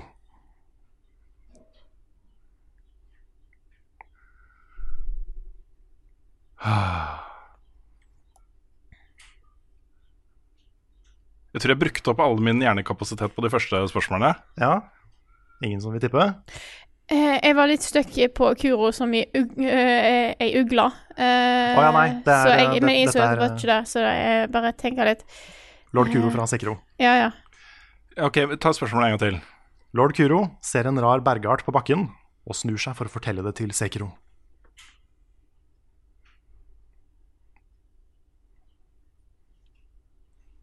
Nei, jeg har, eh, jeg har, jeg har gravd meg ned noen rare stein i Da sier jeg, ja, da sier jeg det.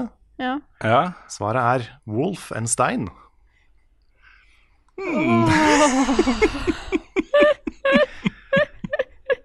Det er ganske kjølig, akkurat på landegrensa.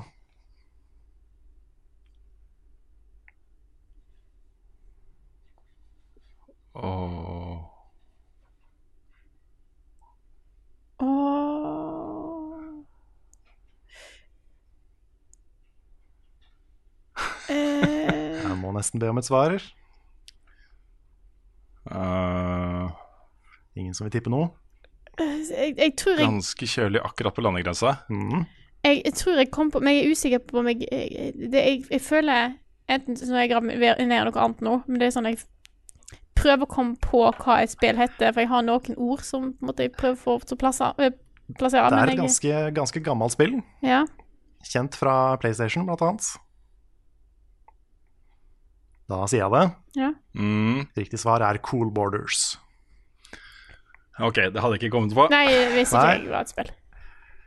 Du må, du må betale hver gang du mister et liv i Super Mario.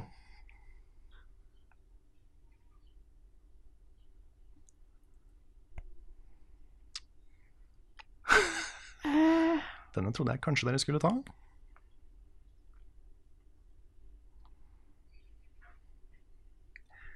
Oh, no, Nei Du må betale hver gang du mister et liv i Super Mario. Runde, runde, runde. Rune. Ja, Pay per Mario. riktig. Pay Paper Ja. Mario. For jeg var payday, jeg- men bare sånn Nei, det har ikke mening. Yes. Nei. eh, siste teller egentlig ikke, for det her var rett før jeg la meg. eh, og det er, på en måte ikke, det er på en måte ikke greit, men jeg tar den for det. Ja. Je tissa itte. Je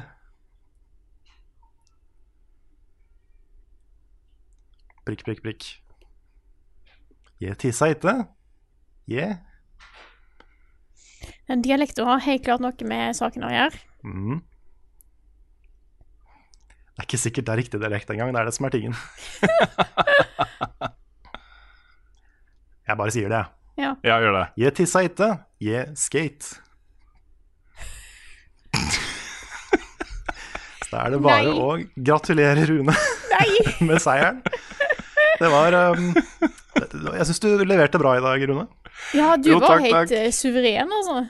On fire. Det var veldig gøy, Karl. Veldig gøy. Helt. Takk for det. det var, uh, dette er min siste podkast før, uh, før jeg tar litt sommerferie, så jeg måtte, måtte ha med en sequel-quiz i dag. Hva er dines best, hvor var fredag sist? Har Carl egentlig sopp? Ukens spørsmål. Rune mente at vi glemte å si stillinga i quizen. Ja, Ja. vi glemte å si stillingen ja, i quizen. Jeg syns vi bør liksom uh, få det ut, da. Ja. Det er viktig informasjon. Mhm. Mm.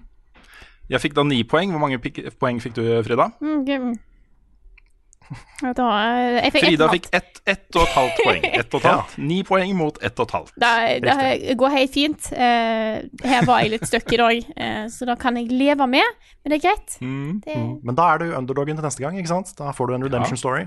Å ja, Ja, ja, det er viktig. Ja. Alle liker en redemption story. Vi begynner mm. med spørsmål her fra Kristian Lysaker. Han eh, refererer til en artikkel hos Gamer der eh, en PlayStation-sjef eh, sier at spill har blitt for dyre å lage. Han skriver Hva tenker dere om dere? Hva tenk, vent litt. Hva tenker dere om dette? Der var hjernen min være sånn nei i den. Eh, tror dere økte priser på de store utgivelsene vil føre til dårligere salg på sikt, eller vil forbrukerne finne seg i å betale mer for å få store opplevelser over 50 timer eller mer?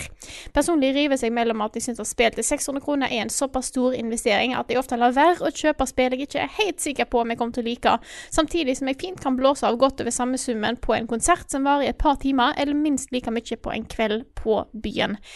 Tror dere at eh, trippel A-markedet nå har havna på det punktet at spill er for lange og tar koster for mye å lage derfor blir så dyre? Eh, eller er det dette folk vil ha? Dette er et veldig bra spørsmål. Ja, Det er et kjempebra spørsmål, og et spørsmål som jeg tror kommer til å definere litt uh, neste generasjon med spill. Hvor uh, jeg så liksom at det var mange som, uh, som gikk ut da, og sa at når, uh, når nye Unreal Engine ble vist fram, og hvor bra det så ut Så at dette er jo kjempebra, for nå kan du jo bare dytte inn grafikk i spillet. Det tar jo ikke noe tid i det hele tatt, men eh, de assetsene må lages. Ja. Og det, det er også Det å lage et sånn Triple A blockbuster-spill som skal se skikkelig skikkelig bra ut og være i tillegg langt, er utrolig tidkrevende og dyrt. Og Det som debatten går litt på, da, det er jo en sånn diskusjon som går på hvordan de skal finansiere økt utviklingstid. Eh, og det gjøres jo da f.eks.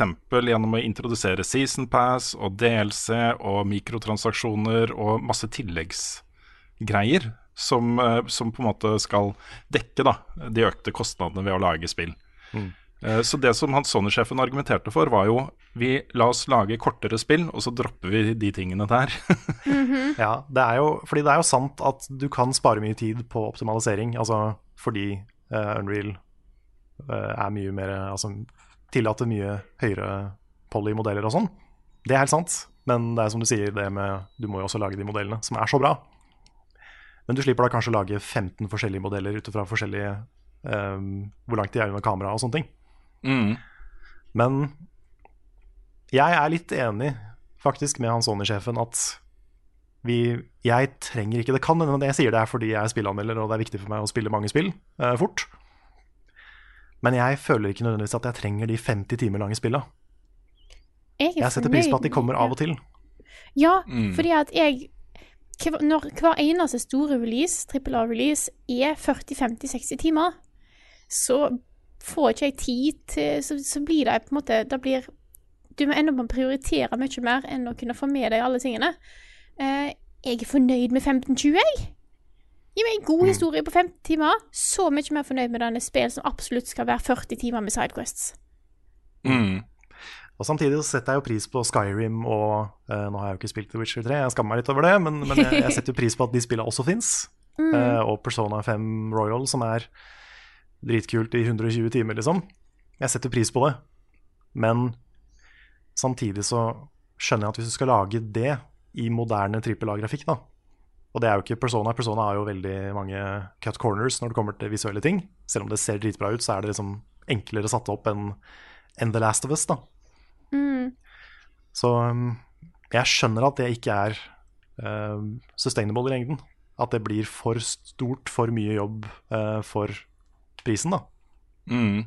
Så jeg kan, jeg kan se det argumentet, men jeg håper løsningen er å gjøre spill litt kortere og mer fokuserte enn å sette opp prisen eller legge til masse mikrotransaksjoner. Ja. Altså det det syns jeg er et uh, viktig poeng, fordi uh, jeg, jeg tenker at spill må være så lange som de trenger å være. Mm. Og eh, det er en del av disse spillene hvor du kan liksom merke at her har de padda ut bare for å øke liksom lengden på spillet, fordi folk forventer å få de ekstra 20 timene, på en måte. Mm. Um, Assassin's Creed Odyssey var litt sånn. Ja, det er et spill eh, som hadde for mye content. Ja. Eh, det kunne med fordel ha vært kortere og mer fokusert, og jeg tror jeg hadde hatt en bedre spilleopplevelse av det hvis det hadde vært det. Uh, og jeg er ganske sikker på at grunnen til at det er så langt og stort og omfattende, det er så mye ting å gjøre, er bare fordi noen har stått der og, og tenkt da, at det er, det er det spillerne vil ha. Det er det de betaler for. Eh, og det er ikke alltid riktig, altså. Um, så har du da sånne spill som Breath of the Wild, som kan være tre timer langt. eller 300 timer langt, litt avhengig av hva du har lyst til å gjøre i den verden her. ikke sant? Uh, og der er det jo tiden da brukt på å lage systemer som skal tilrettelegge for begge deler. Uh, så den, akkurat den type åpen verdensspill faller litt utenfor. Fordi så lenge det er på en måte mulig da, å gå gjennom storyquesten og bruke ti timer på det, så er på en måte det alt det andre har ikke så, det, er ikke, det er ikke så viktig. da.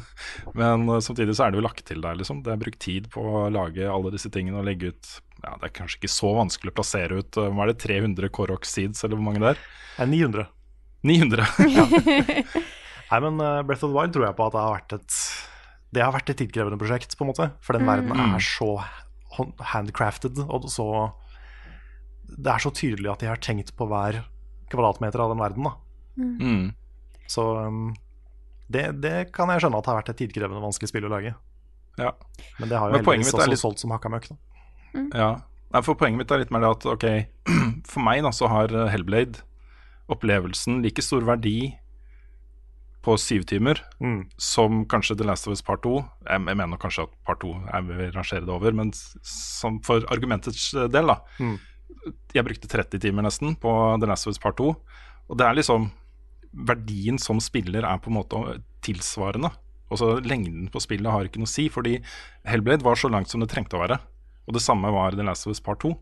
Eh, den trengte den tiden for å fortelle den historien, og det samme trengte Hellblade. Mm. Eh, og så er det jo også da i de to tilfellene gjort en uh, differensiering på pris, fordi Hellblade kosta jo ikke normal fullpris uh, A blockbuster da det kom. Det var eh, 100 eller 150 eller noe sånt billigere. Um, det kan jo tenkes at det vil bli gjort noen sånne dis distinksjoner på akkurat det. da Men jeg, håper, jeg bare håper at, at spill i fremtiden bare kan være så lange som de trenger å være. Mm. Det er vel på en måte mitt argument. da Mm. Uh, Noen uh, kan ha godt av å være åpen verden-greier hvor det er så sjukt mye å gjøre at du kan sitte med det i 200 timer eller 20, avhengig av hva du gjør, liksom. Mens andre kan nok ha godt av å være mer fokuserte. Mm. Men hvis vi hadde, bare sånn hypotetisk da Hvis vi hadde fått et spill som ser så bra ut som The Last of Us Part 2, og er 50 timer langt, hadde vi vært villige til å betale mer for det? Jeg syns Altså nå er det jo Altså pris på spill er jo alltid, varier, altså alltid en diskusjon, fordi at eh, vi er liksom vant med at trippel A-spill skal jo koste 550 ish. Mm. Eh, for det har det vært i mange år, men det har jo vært dyrere før. Ja, Jeg merker Nintendo hvis- 64-spillene kosta jo 800. Ja, sant, men det husker ikke jeg. Eh, så jeg husker jo sånt 499, 599. Hvis Mm. ting begynner å koste sånn Hva var det jeg betalte for The Last of Us, da? Var det 599, eller var det 699? Tror det var Det vet ikke jeg. Ja, det var sikkert da. Ehm, men det er sånn, hvis ting begynner, når ting begynner å komme opp i sånn 700-800 kroner, så blir jeg litt mer sånn Dette føles som en mye større investering. Ja, Mm. det er sant. Og så er det jo liksom allerede et handikap for spillbransjen at spill er en dyr hobby. Ja. Så det Mm. hjelper jo ikke hvis det blir enda dyrere. Jeg, jeg, jeg, jeg syns uttalelsen fra Hans Sonner-sjefen er interessant fordi um, i mange av disse spillene som vi har snakka om, uh, og som kommer ut, så er historien crafta på en sånn måte hvor, uh, hvor det allerede er gjort masse vurderinger på hvor langt spillet skal være. Og når det gjelder The Last of Us Part 2, jeg har lest masse intervjuer med utviklerne, eller særlig manusforfatterne, da, eh, etter at jeg runda det. Eh, Og det viser seg at det er lange, svære sekvenser fra det spillet som bare er kutta. Som ikke er med. De hadde tenkt å ha det med, men de valgte å droppe det av pacing-grunner, da, først og fremst. Men det betyr jo at eh, Og litt tilbake til det jeg sa om Christopher Nolan også, for han crafter historier, ikke sant. Hvis det kommer en på en måte en føring da, fra toppen om at spillet ikke kan være Det skal ikke ta lenger enn 20 timer å runde dette spillet her. så vil da manusforfatterne gå inn og så vil de eh, eh, tilpasse spillet til det. Så det kan jo hende at måte, hvis det kommer en slags ordre da, fra toppen om at eh, ok, nå skal vi kutte kostnader på utvikling av, i alle våre egne studioer. Det betyr at spillene dere lager kan ikke være lenger enn sånn og sånn. Så det kan hende at det kommer til å komme sånne beskjeder. Ja. Jeg husker da vi intervjua Owlboy, altså Dpad, eh, Mhm. så fortalte jo de at de hadde kutta omtrent halve spillet eh, for Ja. å gjøre det bedre. Nettopp. Og jeg mener jo også Nå elsker jeg Final Fantasy 7 Remake, sånn virkelig. Men jeg mener samtidig at hvis de hadde kutta ca. fem timer fra det spillet, hadde det vært Mm. bedre. Ja, definitivt. Jeg Det er, ikke mer, det er ikke mer enn fem timer, men det er fem timer.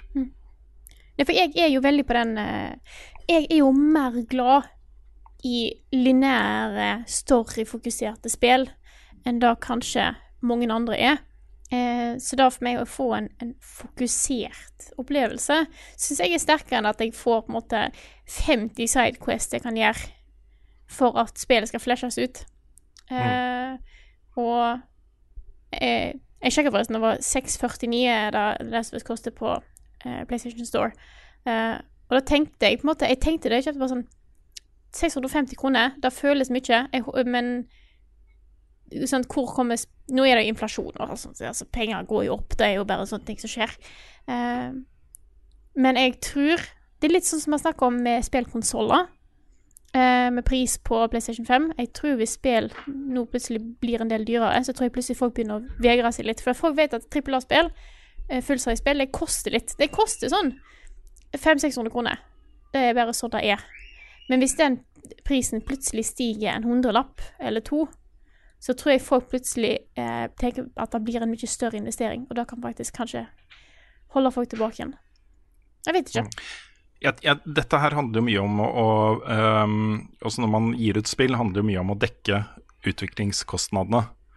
Uh, og det man ofte ser, da, er jo at uh, disse salgsperiodene på de forskjellige plattformene blir jo nå brukt veldig aktivt.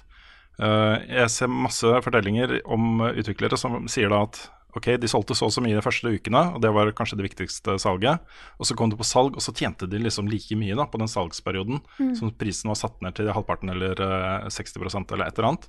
Um, og det, det er noe som også forbrukerne har uh, kasta seg litt over. da. Det er mange nå som venter med å kjøpe nye spill. Altså De venter på salgsperioden.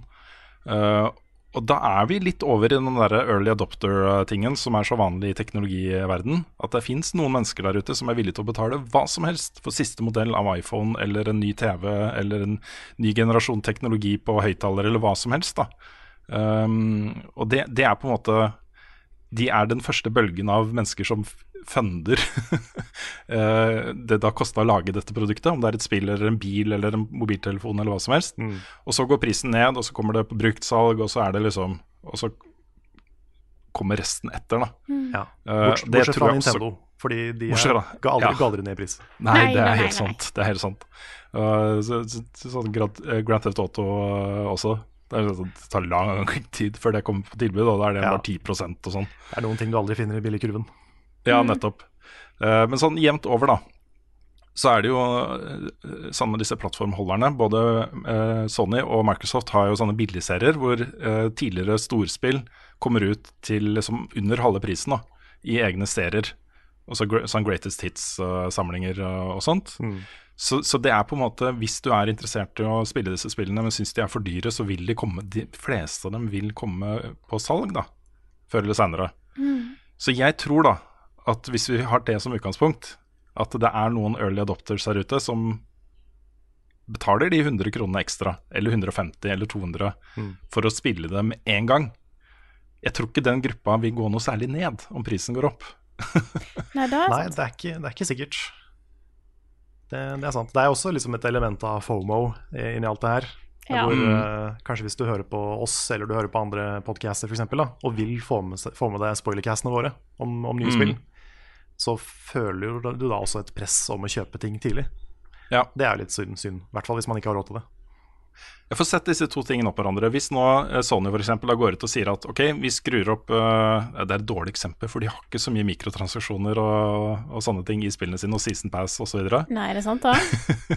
Nei, men uh, fiktivt, tenk, et tenkt tilfelle da. Hvis noen hadde gjort det, sagt at ok, nå dropper vi og liksom eh, kutte opp innholdet i spillet for å levere det som delelse. Vi dropper Season Pass, vi dropper mikrotransaksjoner og disse butikkene hvor du kan kjøpe lootboxer og sånne ting. Men prisen på spillene våre eh, går opp. Og innholdet fra disse tingene legges inn i spillet. Så tror jeg det er mange som hadde sagt at det er jeg villig til å betale for. Ja, ja for jeg også ville nok heller hatt det enn det andre. Ja. Men det er fordi i veldig mange tilfeller så ødelegger jo mikrotransaksjoner og de systemene der balansen i spillet. Det gjør Ja, spillet det er akkurat aktivt det. dårligere. Ja. Så det ville jeg det, det ville jeg sagt ja til. Men det kommer jo også Mm. an på hvor dyrt det blir, da. Mm. Det er vanskelig, dette her. Jeg tror det er noen økonomer som sitter og klør seg i hodet på hva de skal gjøre på, eh, på de store spillselskapene. Mm. Men jeg håper liksom at, uh, at spillet er så, lenge, så lange som de trenger å være. Da. Ja. Altså, det også vil gjelde i fremtiden. At her sitter det folk med noe de ønsker å formidle, som er viktig for dem. uh, og velger da en lengde som, som passer uh, historien de ønsker å fortelle. Mm. Det er på en måte mitt utgangspunkt. da Om det er fem timer eller uh, 40, er litt mindre viktig for meg. Enig. Yeah. Har vi noen eh, flere spørsmål på eh, lur? Ja, jeg må ta et som jeg har fått anonymt. Ja. Jeg har fått lov til å si at spørsmålet er fra en prominent norsk podkastvert. Og en annen podkast, da. Det er ikke en av oss. Nei, ikke fra en av oss. Ja, Ikke fra en av oss. Um, men spørsmålet er, skal vi se Tror vi at det kommer en Last of Us Part 3 en gang? Og Her må vi være forsiktige. Vi skal, vi skal ikke spoile noe, også grunner til at vi tror at sånne, sånne ting. Det blir, det blir noe vi kommer til å snakke om i spoilercasten. Ja, men det, det grunnen til at jeg vil svare på det likevel, er fordi Neil Druckmann har adressert dette. Uh, og det han sier, er at måten de jobber på i, uh, i Naughty Dog, er at når et stort prosjekt er ferdig, så setter de, de seg ned i Teams uh, og drodler ideer. Og så kommer de opp med liksom konkrete ideer på hva deres neste spill skal være. Og så er det en slags sånn avstemning eller en sånn kollektiv den, den beste ideen blir det neste spillet de lager. Og det han har sagt, er jo at The Last of Us Part 3 er, er sannsynligvis da en, et av de prosjektene som kommer til å komme opp i en sånn diskusjon, om det er på en måte noe de skal gå videre med eller ikke. Så jeg, jeg tror at han har en historie der som kan fortelles, som forlenger uh, Last of Us-universet.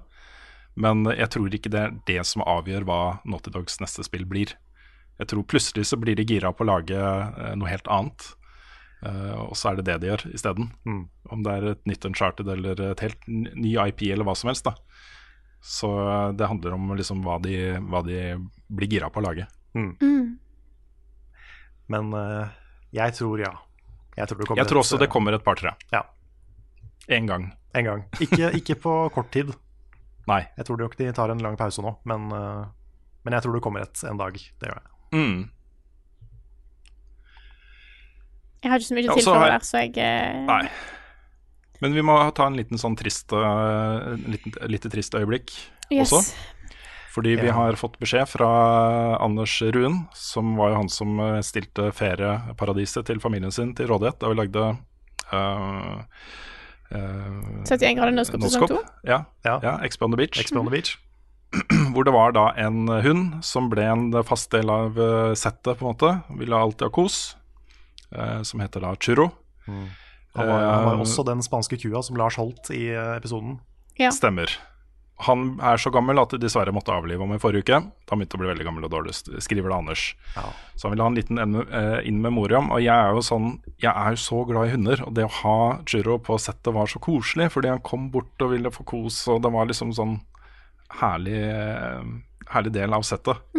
Så, så det var trist å høre. Ja. Eh, Vi vet jo liksom hvordan hunder blir en del av familien, og det er ja, Han var en ordentlig fin hund. Så ordentlig, ordentlig fin hund. Ordentlig fin hund. Best Ja. boy. Mm. The best boy. Jeg vet ikke hvordan jeg skal ta dette videre på en, eh, på en lykkelig måte, men eh, har vi et spørsmål til, Karl? Ja, det var det, da. Eh, putting me on the spot. Ja. Vi kan jo begynne å bygge over til eh, det som kommer etterpå, for nå skal vi snart sette oss ned og gjøre spoilere. Da kan vi også ta avslutninga på podkasten, Frida.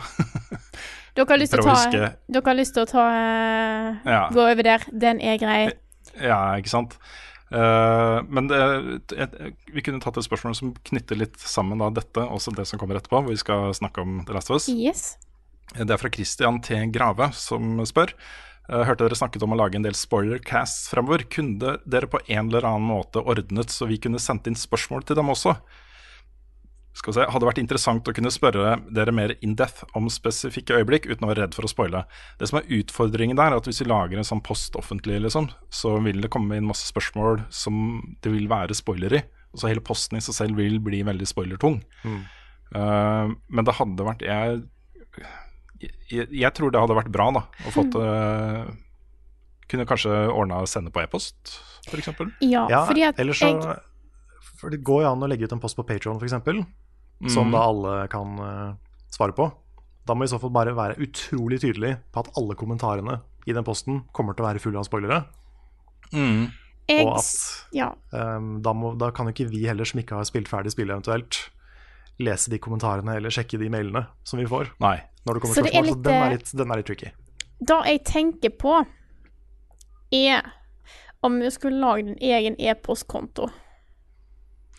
Ja, det blir, det også sjekker jeg på. Så jeg, blir, jeg, jeg liker forslaget om Patron fordi der er ikke kommentarfeltet expanded når du Nei, går inn. det er sant. Nei. Du må klikke på 'se kommentarer'. Uh, på Facebook så vil jo liksom kanskje noen av de mest populære kommentarene eller sånt dukke opp da rett under posten. ikke sant? Ja. Så det er ikke så dumt, det også. Mm, det kan være den beste måten å gjøre det på. Mm. Jeg. Eh, ja, kanskje vi skal gjøre det. Jeg, Ja, jeg, jeg liker eh, veldig godt ideen. Jeg tenkte den var Ja, litt jeg også. god idé. Ja, ja, fordi det, det er så deilig Det er ikke bare oss det er deilig for å kunne snakke litt åpent om spill. Ja, det er helt sant. Nei, vi skal, vi skal vurdere det seriøst også. Mm. Så uh, følg med på Patrion-siden vår gjennom helgen. Så uh, kan det hende at det dukker opp en post der. Mm. Ja. Og okay. med da hm? Men da, da, kan vi, da kan vi slutte. Ja, da tar Mm. jeg avslutninga nå. Eh, Ja, gjør det det? Jeg, vi kan jo ta den etterpå, Frida. Ja, da tar dere avslutningen. Eh, eh, da gir vi Ja, du det har akkurat sånn. sagt det, Frida! Akkurat sagt det. Jeg, At du kunne ta avslutningen. nå er jeg Det er bare ett minutt siden. Ja, men da er- det er så planlagt podkast. Det er varmt her. Ja, nei, jeg bare tuller med deg, Frida. Da, det som skjer nå, da, er at jeg tar avslutningen, så jeg får gjort det. For da får jeg følt at, avslutt, at podkasten er runda av for min del, og så kan okay. dere spille ja, okay, etterpå. Ja, okay, det er Fordi at etter dette her nå, så kommer det en, eh, en bit om The Last of Us Part 2, som folk kan velge å høre om de vil eller ei. Det kommer til å være spoilers, men den er ikke like utdypende som spoilerkast vi skal ha neste uke. Eh, Mm. Så jeg eh, logger av for nå, for jeg har ikke spilt hele spillet. Så jeg eh, sier òg ha det til dere som velger å avslutte sammen med meg her nå. Eh, så tar jeg spillen. Eh, dette her er en podkast produsert av moderne media. Låten i introen og outroen som kommer senere, er skrevet av Ole Sønnik Larsen og arrangert og framført av Kyoshu Orkestra. Vignettene er fantastisk Martin Herfjord. Gud, for en flott fyr du er. Eh, hvis du syns at innholdet vi lager er bra, så er det bare å gå inn og se mer på YouTube- youtube.com slash levelupnord og twitch.tv slash levelupnord. Eh, og det er bare å støtte oss på patreon.com slash levelupnorge hvis du har lyst til det. Eh, det vet jeg da, Nå kommer jo snart det momsgreiene til Patron. Det har vi lagt ut en melding på Patron for de som lurer på hvordan det funker. Eh, så sjekk ut det hvis ikke du har gjort det. Ja. Too long uh, didn't read på den er eh, rett og slett at eh, det blir, blir ikke så mye det er snakk om hvis det blir noe moms. Ja. Det er ikke så mye penger det er snakk om. Det er snakk om ja, ganske små beløp. Mm. Ja, heldigvis. Yes. Så uh, ta og sjekk ut den. Og uh, så får dere ha lykke til med resten av podkasten, Rune Karl. Og Det blir, det blir så rart å være her uten deg når vi er så vant til at du Det blir så rart å være her uten deg når vi er så vant til at du liksom bare alltid er der. Får håpe Mm. dere klarer å holde dere i tøylene her. Eh, men jeg, jeg, tror, jeg tror det skal gå bra uten meg. Og så snakkes vi igjen gi meg ett minutt, så har jeg rasert rommet. Ja, det, jeg, jeg, jeg, jeg skjønner at dette er noe jeg, eh, jeg skulle ha liksom overvåka og hatt kontroll over, men jeg får bare la dere holde på. Og så snakkes vi igjen neste uke.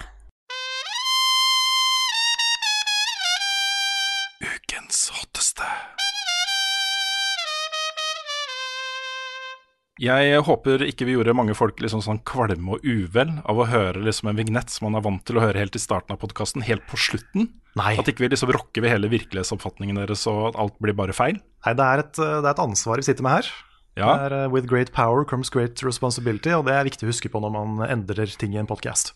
Ja, det er helt sant. Men vi hadde jo en god grunn da til å flytte hele spalten, og det er jo fordi dette blir spoilertungt. Vi skal Mm. gå litt i detalj da, på hvorfor vi er så glad i The Last of Us eh, Part 2. Eh, og det er jo Jeg syns jo det er litt synd da at vi på en måte føler et behov for å gjøre det. Men det er så mye jeg, jeg mener det er en del sånn feilaktige uh, vurderinger av det spillet på nett. Og det er så uh, det, det på en måte gjennomsyrer alle diskusjoner om spillet og tar over fra det som kunne vært en veldig god debatt da, om et veldig interessant spill. Ja, ja fordi jeg har lyst til å, lyst til å si at det er kjipt når man liksom Vi har jo spilt spillet før lansering, før, eh, før de fleste i verden fikk spille det. Og det å ha en spillopplevelse som er så sterk, da, og som, som jeg liksom gleder meg brenner for å snakke om, legger masse arbeid inn i en anmeldelse hvor jeg prøver å formidle så godt jeg kan hvorfor dette her er sterkt for meg. Da, hvorfor det er kjempe, jeg er kjempeengasjert i det spillet her. Og gleder meg til å snakke om det. Og så får man en sånn vegg av beskyldninger om å være kjøpt og betalt, og hat og liksom dritt og møkk. Jeg har, jeg har sletta mer toxic dritt i kommentarfeltet de siste par ukene enn jeg har gjort de siste fem åra til sammen, tror jeg. Ja. Og det, det er så synd, og det er så deprimerende å se det. Jeg, man, man burde liksom, Nivået burde være høyere på en diskusjon enn dette her. Ja, helt enig. Og dette her starta jo for lenge siden. Det starta jo for flere måneder siden, hvor det kom noen lekkasjer om eh, The Last of Us eh, Part 2. Eh, det kom opp kapittelnavn, eh, noen av scenene ble kjent, eh, rollefigurene ble kjent. Og fra disse lekkasjene så oppstod det en hel haug med misforståelser og oppfatninger av hva dette her spillet er. Ja. Bare aller den- først jeg har lyst til å bare si at uh, hvis du sitter nå og tenker at du, du har spilt Last of Us 2, du likte det ikke, det er helt lov. Å ja. Det er 100% lov å ha forskjellige meninger om det spillet her og historien, for den er polariserende. Og som Rune sa tidligere i podkasten, det er overraskende at det har vært såpass mange nier og tiere, fordi vi forventa kanskje et litt større spekter. Mm. Men um, og, og, og hvis du liksom Hvis du har spilt det, du har gitt en sjanse, men du endte opp med å ikke like det, så da er det ikke deg vi har et problem med. Nei, absolutt ikke. På ingen måte, for det er lov. Og det, jeg vil veldig gjerne ha uh, en god diskusjon med folk som har spilt The Last of Us 2 og ikke likte det. Fordi Mm. jeg syns det er mye verdifullt det går an å prate om der. Ja, helt uten tvil også. Og det er det jeg blir litt lei meg for. At ikke vi kan ha en sånn diskusjon om dette spillet her. Ja, det er, liksom, det er den samtalen vi burde ha. Ja, jeg er helt enig.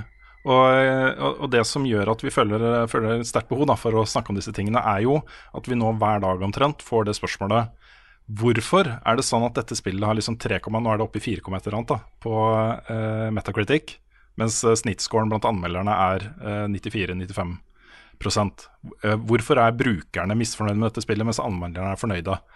Altså, De skjønner ikke helt det gapet. Eh, Nei. og det gapet kommer jo da av en helt enorm mengde med null av ti-anmeldelser på Metacritic, brukeranmeldelser, fra folk som ikke har spilt spillet, og som uh, har en oppfatning av spillet basert på uh, hva skal man si, denne diskusjonen som går rundt det. Eh, mye av historievalgene og motivasjonene til Naughty Dog bak historien, den type ting, da, som ikke har noe med liksom, det å ha spilt spillet og ført den på kroppen og gjort opp din egen mening om den. Den er basert på en kampanje, målretta kampanje, om å lage dette gapet mellom brukeranmeldelser og uh, anmeldernes uh, scores. da. Ja, og det, det trenger du ikke engang å ta vårt ord for, fordi du kan google deg fram til Reddit-poster og YouTube-kanaler som oppfordrer til det her, som, som Mm. avtaler dette her, liksom. Ja. Det, det ligger åpent. Noe av det er helt sikkert sletta og skjult og sånn, men det fins eksempler. Mm. Og Bare les noen av disse brukeranmeldelsene også. Det er jo ofte bare én setning uh, som uh, inneholder uh, ord som eh, social justice warrior bullshit og osv. Ja, det burde Og- også gi en indikasjon på hvor disse meningene kommer fra. Ja. Eh, men det at eh, spillet har fått så høy snittscore blant anmelderne, syns jeg er et interessant eh, poeng som vi kunne bare dvele bitte litt ved. Fordi jeg har tenkt litt på hvor det kommer fra. da. For jeg hadde forventa at her ville det komme en del femmere og seksere, syvere og åttere. Og så du får hele det spekteret. da. Mm. Fordi historien i dette spillet her er så viktig, og hvis du ikke, ikke connecter med den historien, så vil det påvirke ditt helhetsinntrykk av spillet. Ja, Men jeg ganske tror da- kraftig. Hva sa du? Ja, ganske kraftig. Ja, ikke sant.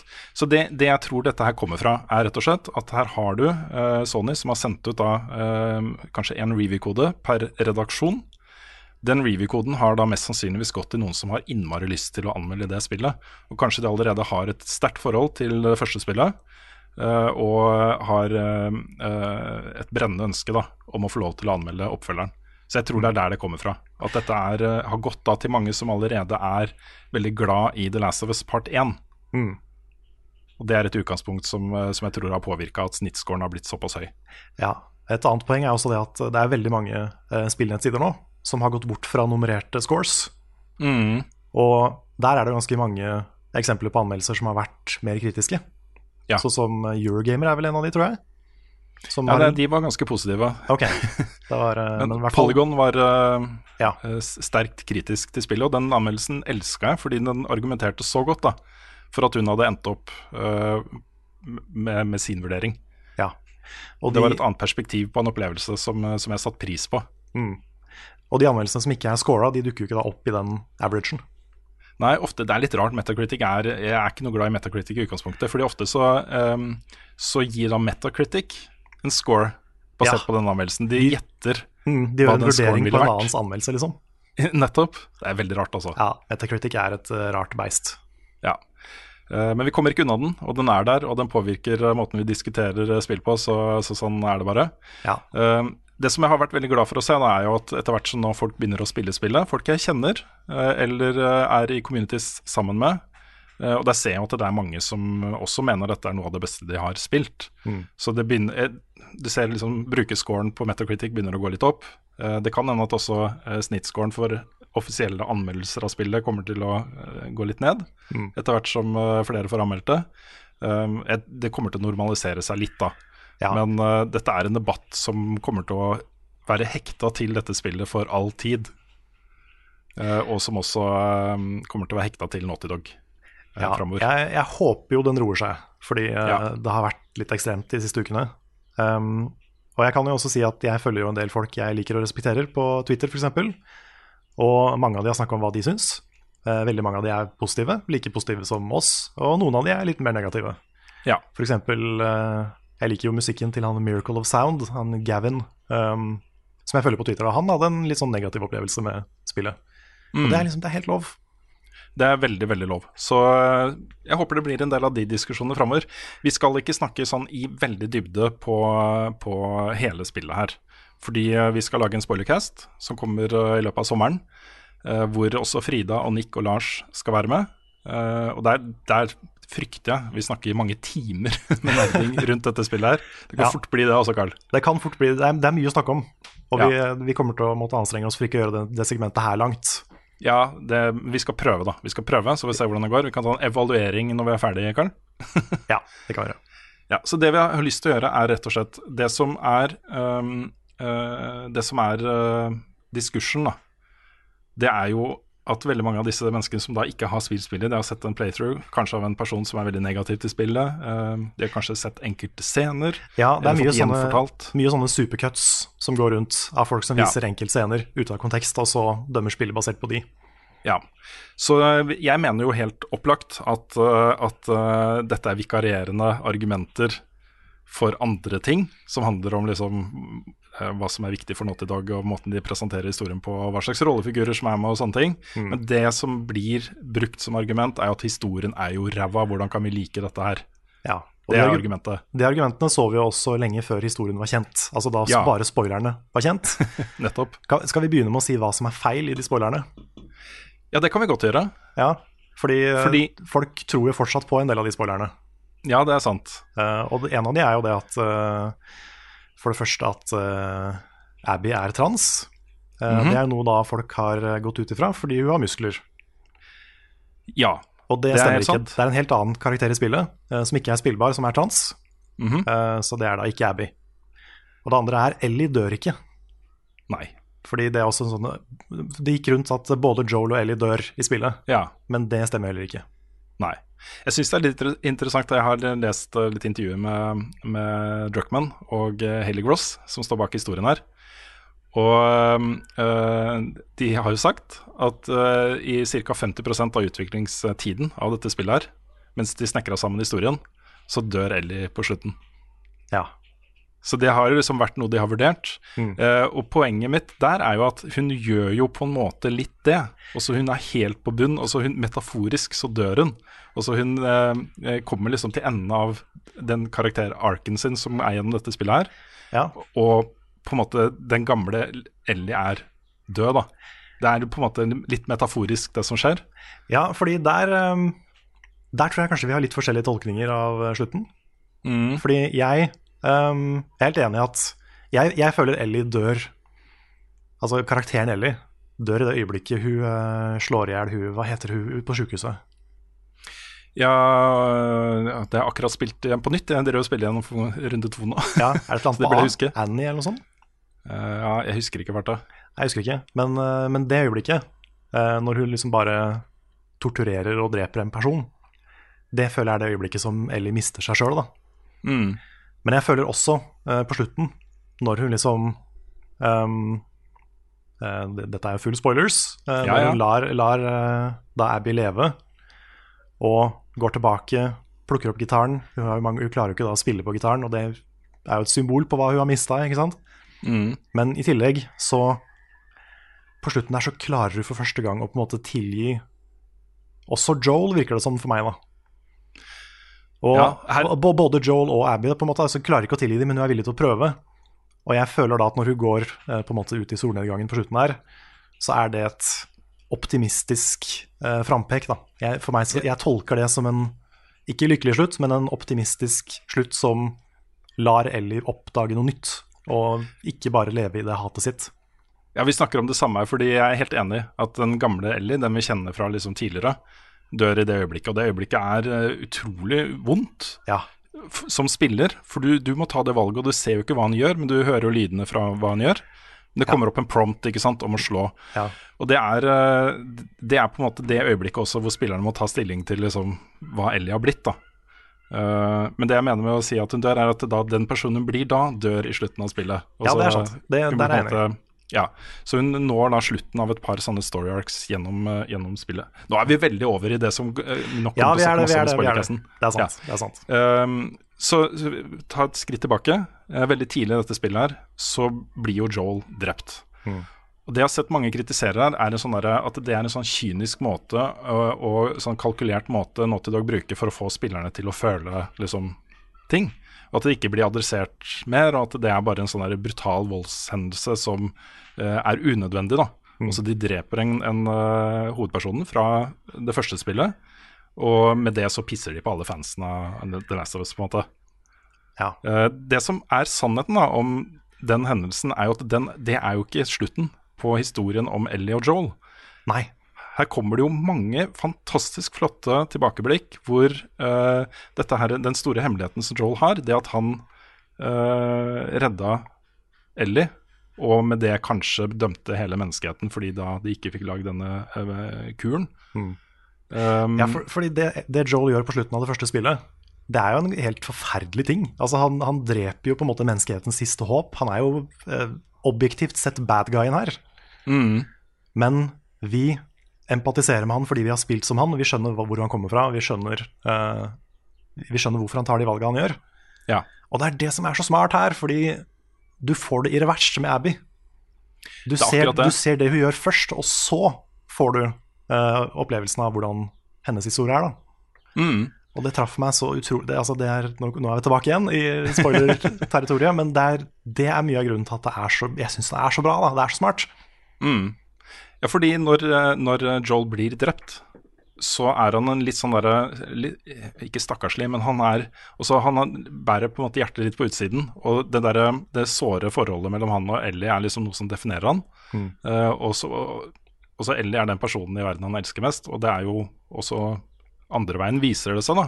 Altså, Ellie ville ikke ha reagert så sterkt hvis ikke hun hadde sterke følelser for Joel. Um, men han er jo the villain. Mm. Og det, er- det det skiftet der, fordi uh, det mange reagerer Nå er vi da videre på neste punkt på lista her, men det er jo Abby. Fordi mange reagerer da på at ok, plutselig så skal vi sympatisere med Abby. Hva er poenget med det? liksom? Hun er jo skurken i, i dette spillet her. Men hun er ikke det. Det er Joel som er skurken.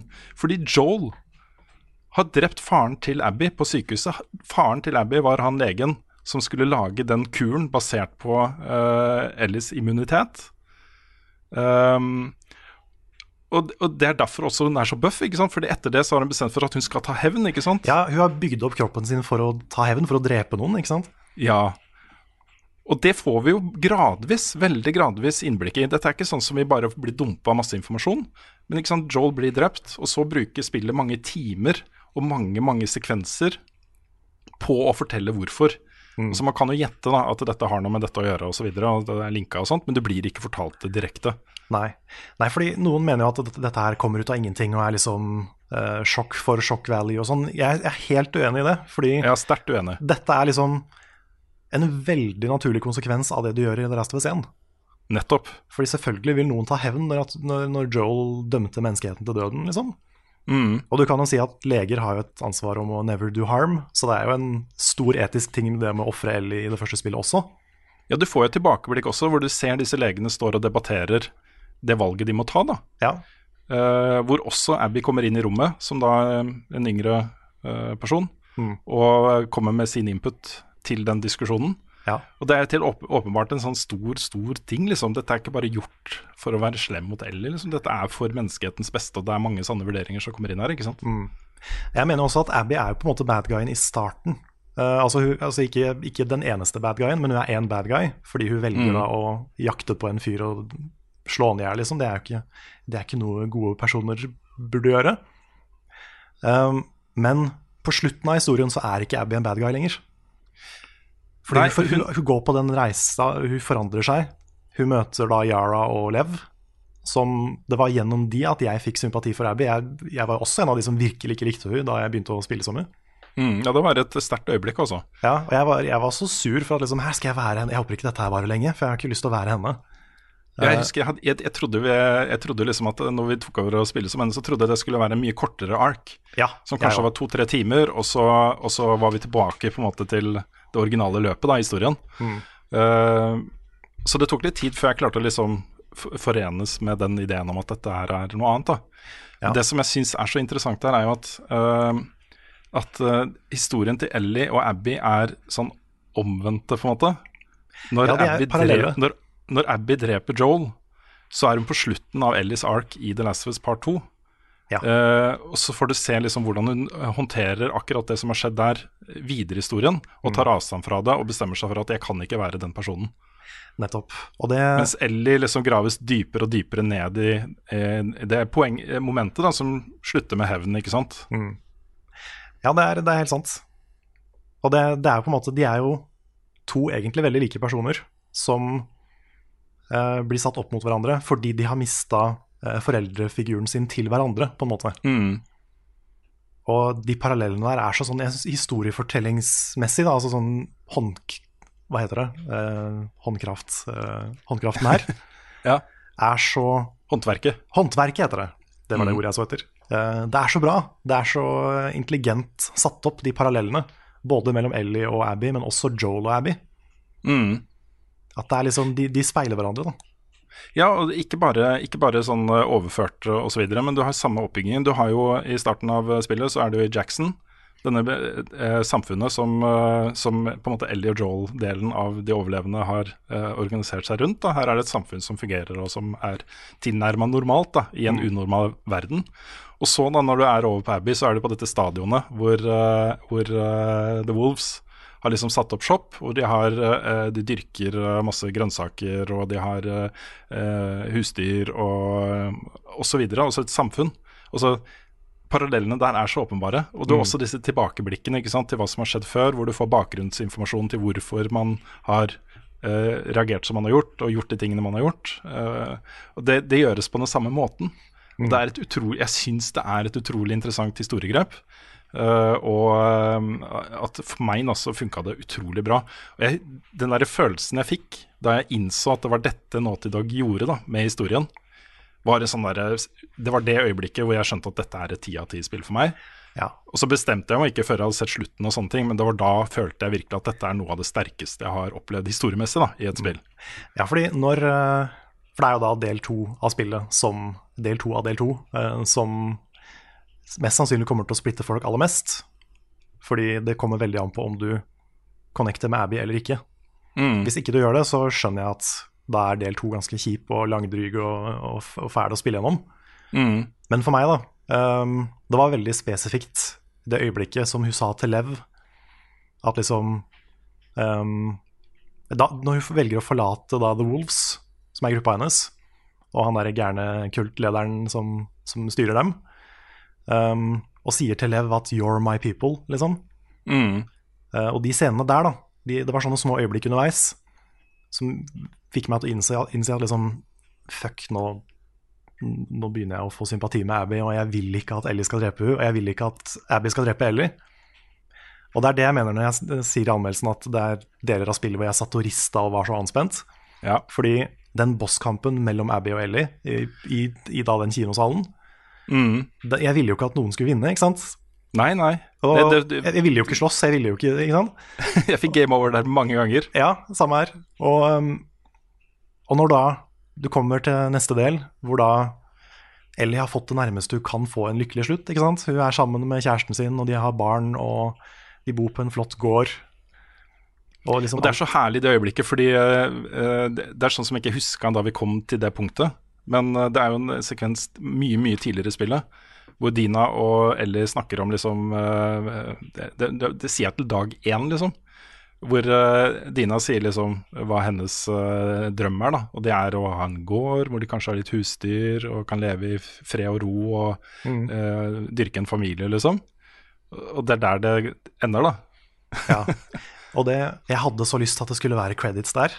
Det er bare sånn Ja, jeg satt og venta på credits. Ventet, ja, bare sånn, kan, kan du ikke stoppe her? Vær så snill, stopp her! Ja. For jeg var så redd for at det skulle skje noe fælt igjen, ikke sant? Mm. Uh, forventa det verste gjennom Ja. hele den scenen, så jeg satt til og med den, som er veldig rolig, i hvert fall opp til et visst punkt, da. Som er veldig rolig og eh, stille og koselig og alt sånn, den sekvensen. Så, så satt jeg og var så anspent, for jeg skjønte at det er noe som ikke kommer til å gå bra her. Ja. ja, det var en sånn ubehagelig sånn teppe over det. Og det er også sånn der craftsmanship som, som er ganske sterkt. Fordi ja, du håper på en måte at det skal komme Du har vært gjennom et mareritt, ikke sant. Du håper at OK, kom, kom en slutt her, liksom. Bare få det til å slutte. Ja, det er sånn, Jeg vil at det skal stoppe her, på en måte. ja, ja. Men, men så velger da Ellie å dra til Santa Barbara. Er det Santa det? Barbara. Santa Barbara Mm. uh, for å ta hevn igjen. ja. Og da Jeg har ikke hatt en så voldsomt negativ reaksjon på noe en rollefigur velger å gjøre i et spill noen Jeg gang. er helt enig. Det er sånn Nei, ikke gjør det! Du har liksom Du har fått det til! Dette Ja. er så bra som det blir, ikke sant?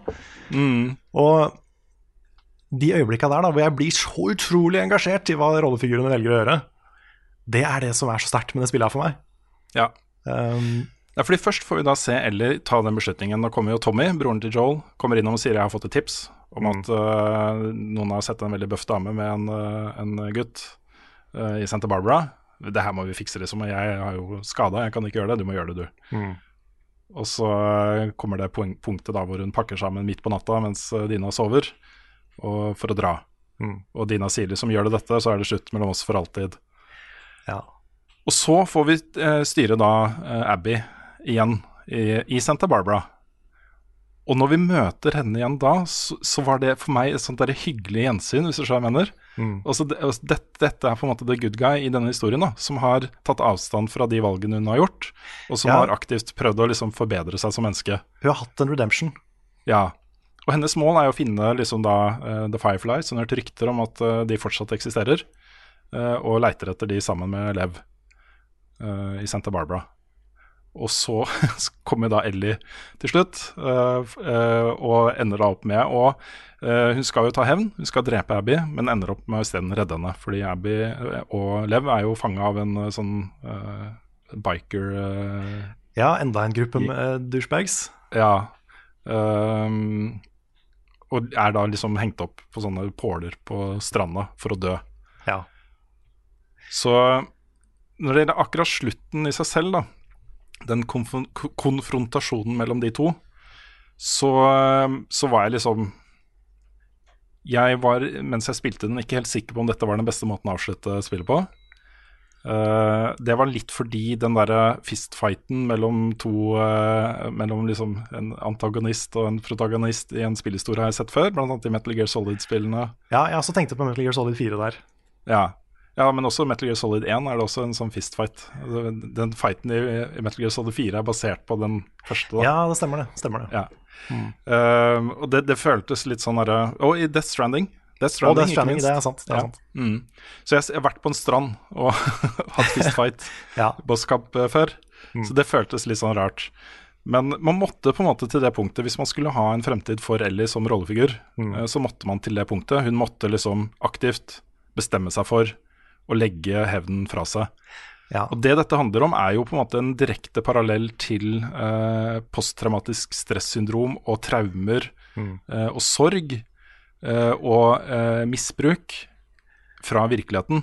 Hvis man snakker med mennesker som har opplevd disse tingene her, eh, så vil de kjenne seg igjen i de følelsene Ellie sitter med, altså den hevnfølelsen. Ja. Ja, Og for- sinnet og raseriet. Mm. Ja, for hun hun, har jo straight up et panikkanfall eh, på den gården. Ja. Og du, du skjønner på en måte hvorfor hun ikke klarer å legge det fra seg. Fordi det, er, Ja. det går for dypt. Eh, det er for traumatisk, og hun hater Abby for mye. Mm. Så hun må få ut liksom den siste faenskapen i seg da, um, mot Abby på slutten.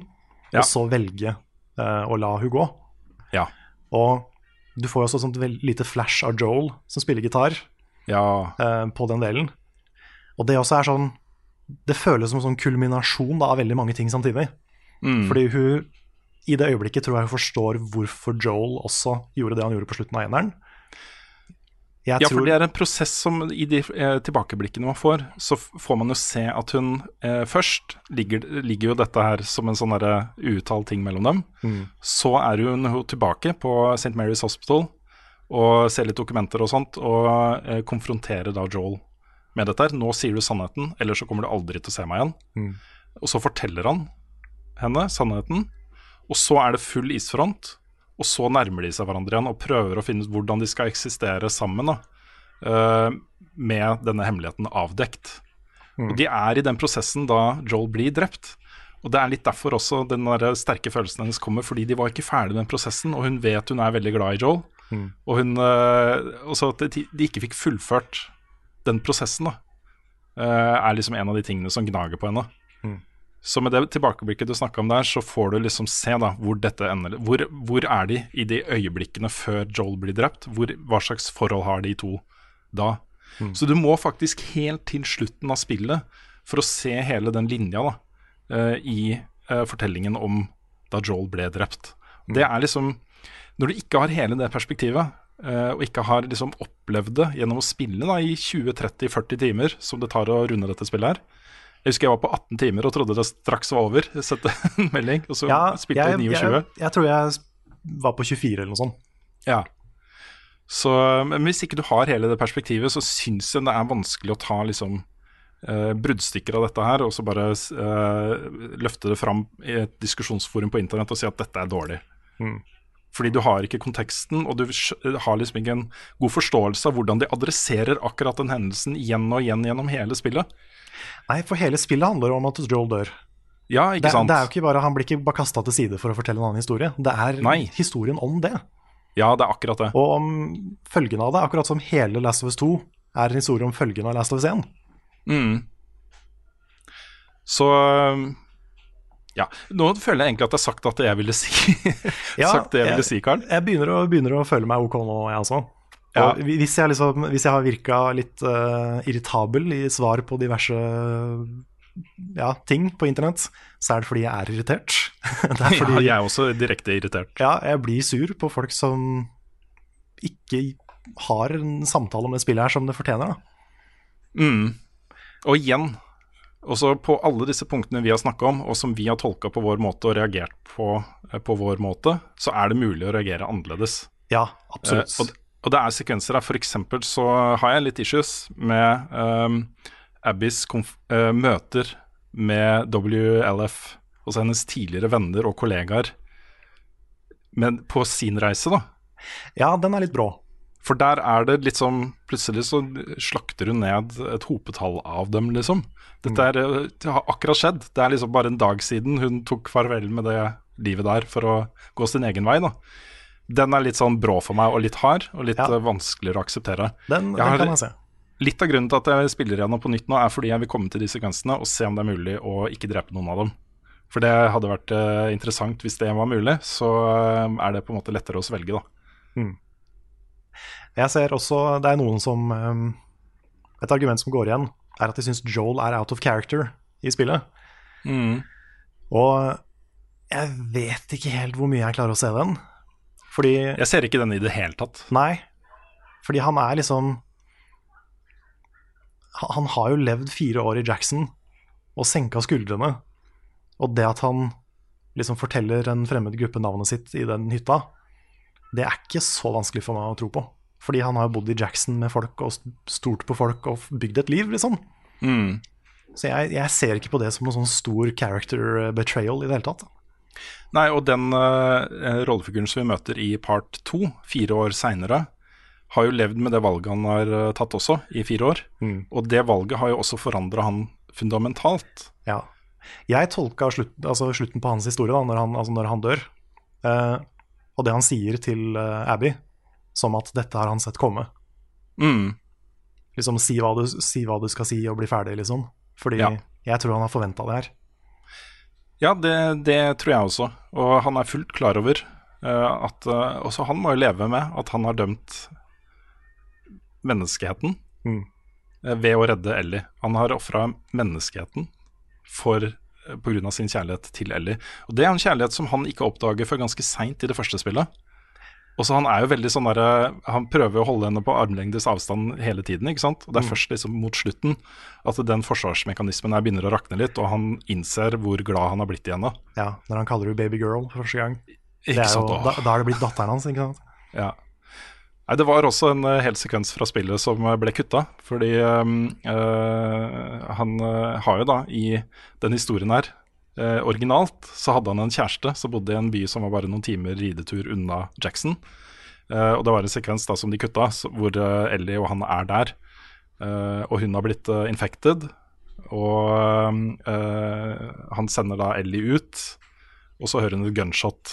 Og så må man liksom spekulere det om hun har drept seg selv, eller om han har drept henne. Ja, ja. Så det er helt sånn sekvens. Fordi hun var jo der, da, for å illustrere uh, de følelsene han sliter med pga. det valget han har tatt Mm. ved å redde Ellie, og, og ikke eh, la henne liksom dø for å få den vaksinen. Ja. Det, men det ligger der. Også, grunnen til at jeg nevnte det, er at dette ligger her. Dette er en del av den karakteren han er nå, da, i Mm. dette spillet. Men jeg er glad for at de kutta den delen. Fordi Ja, ja, den det er jo, det er jo nok, nok tortur og fæle scener Det er helt sant. Det er helt sant. allerede. Ja.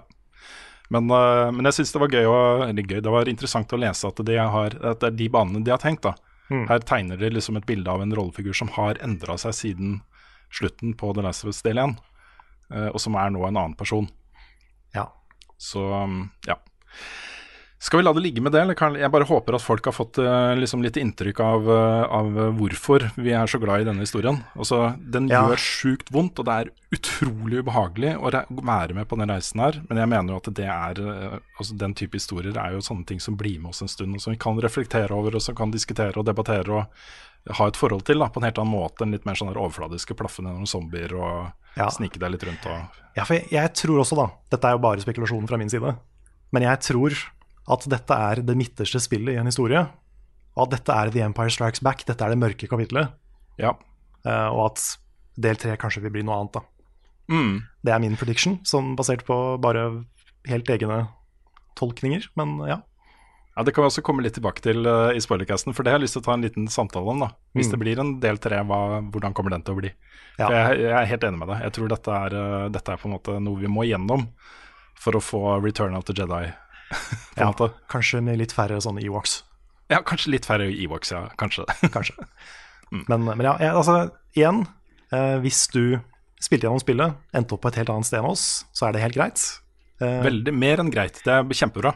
Ja, det er, det er bra man kan ha forskjellige opplevelser av spillhistorier. Eh, og hvis du ikke klarte å connecte med Abby på den måten som vi gjorde, da, så skjønner jeg at det er vanskelig å være med på resten av historien. Mm.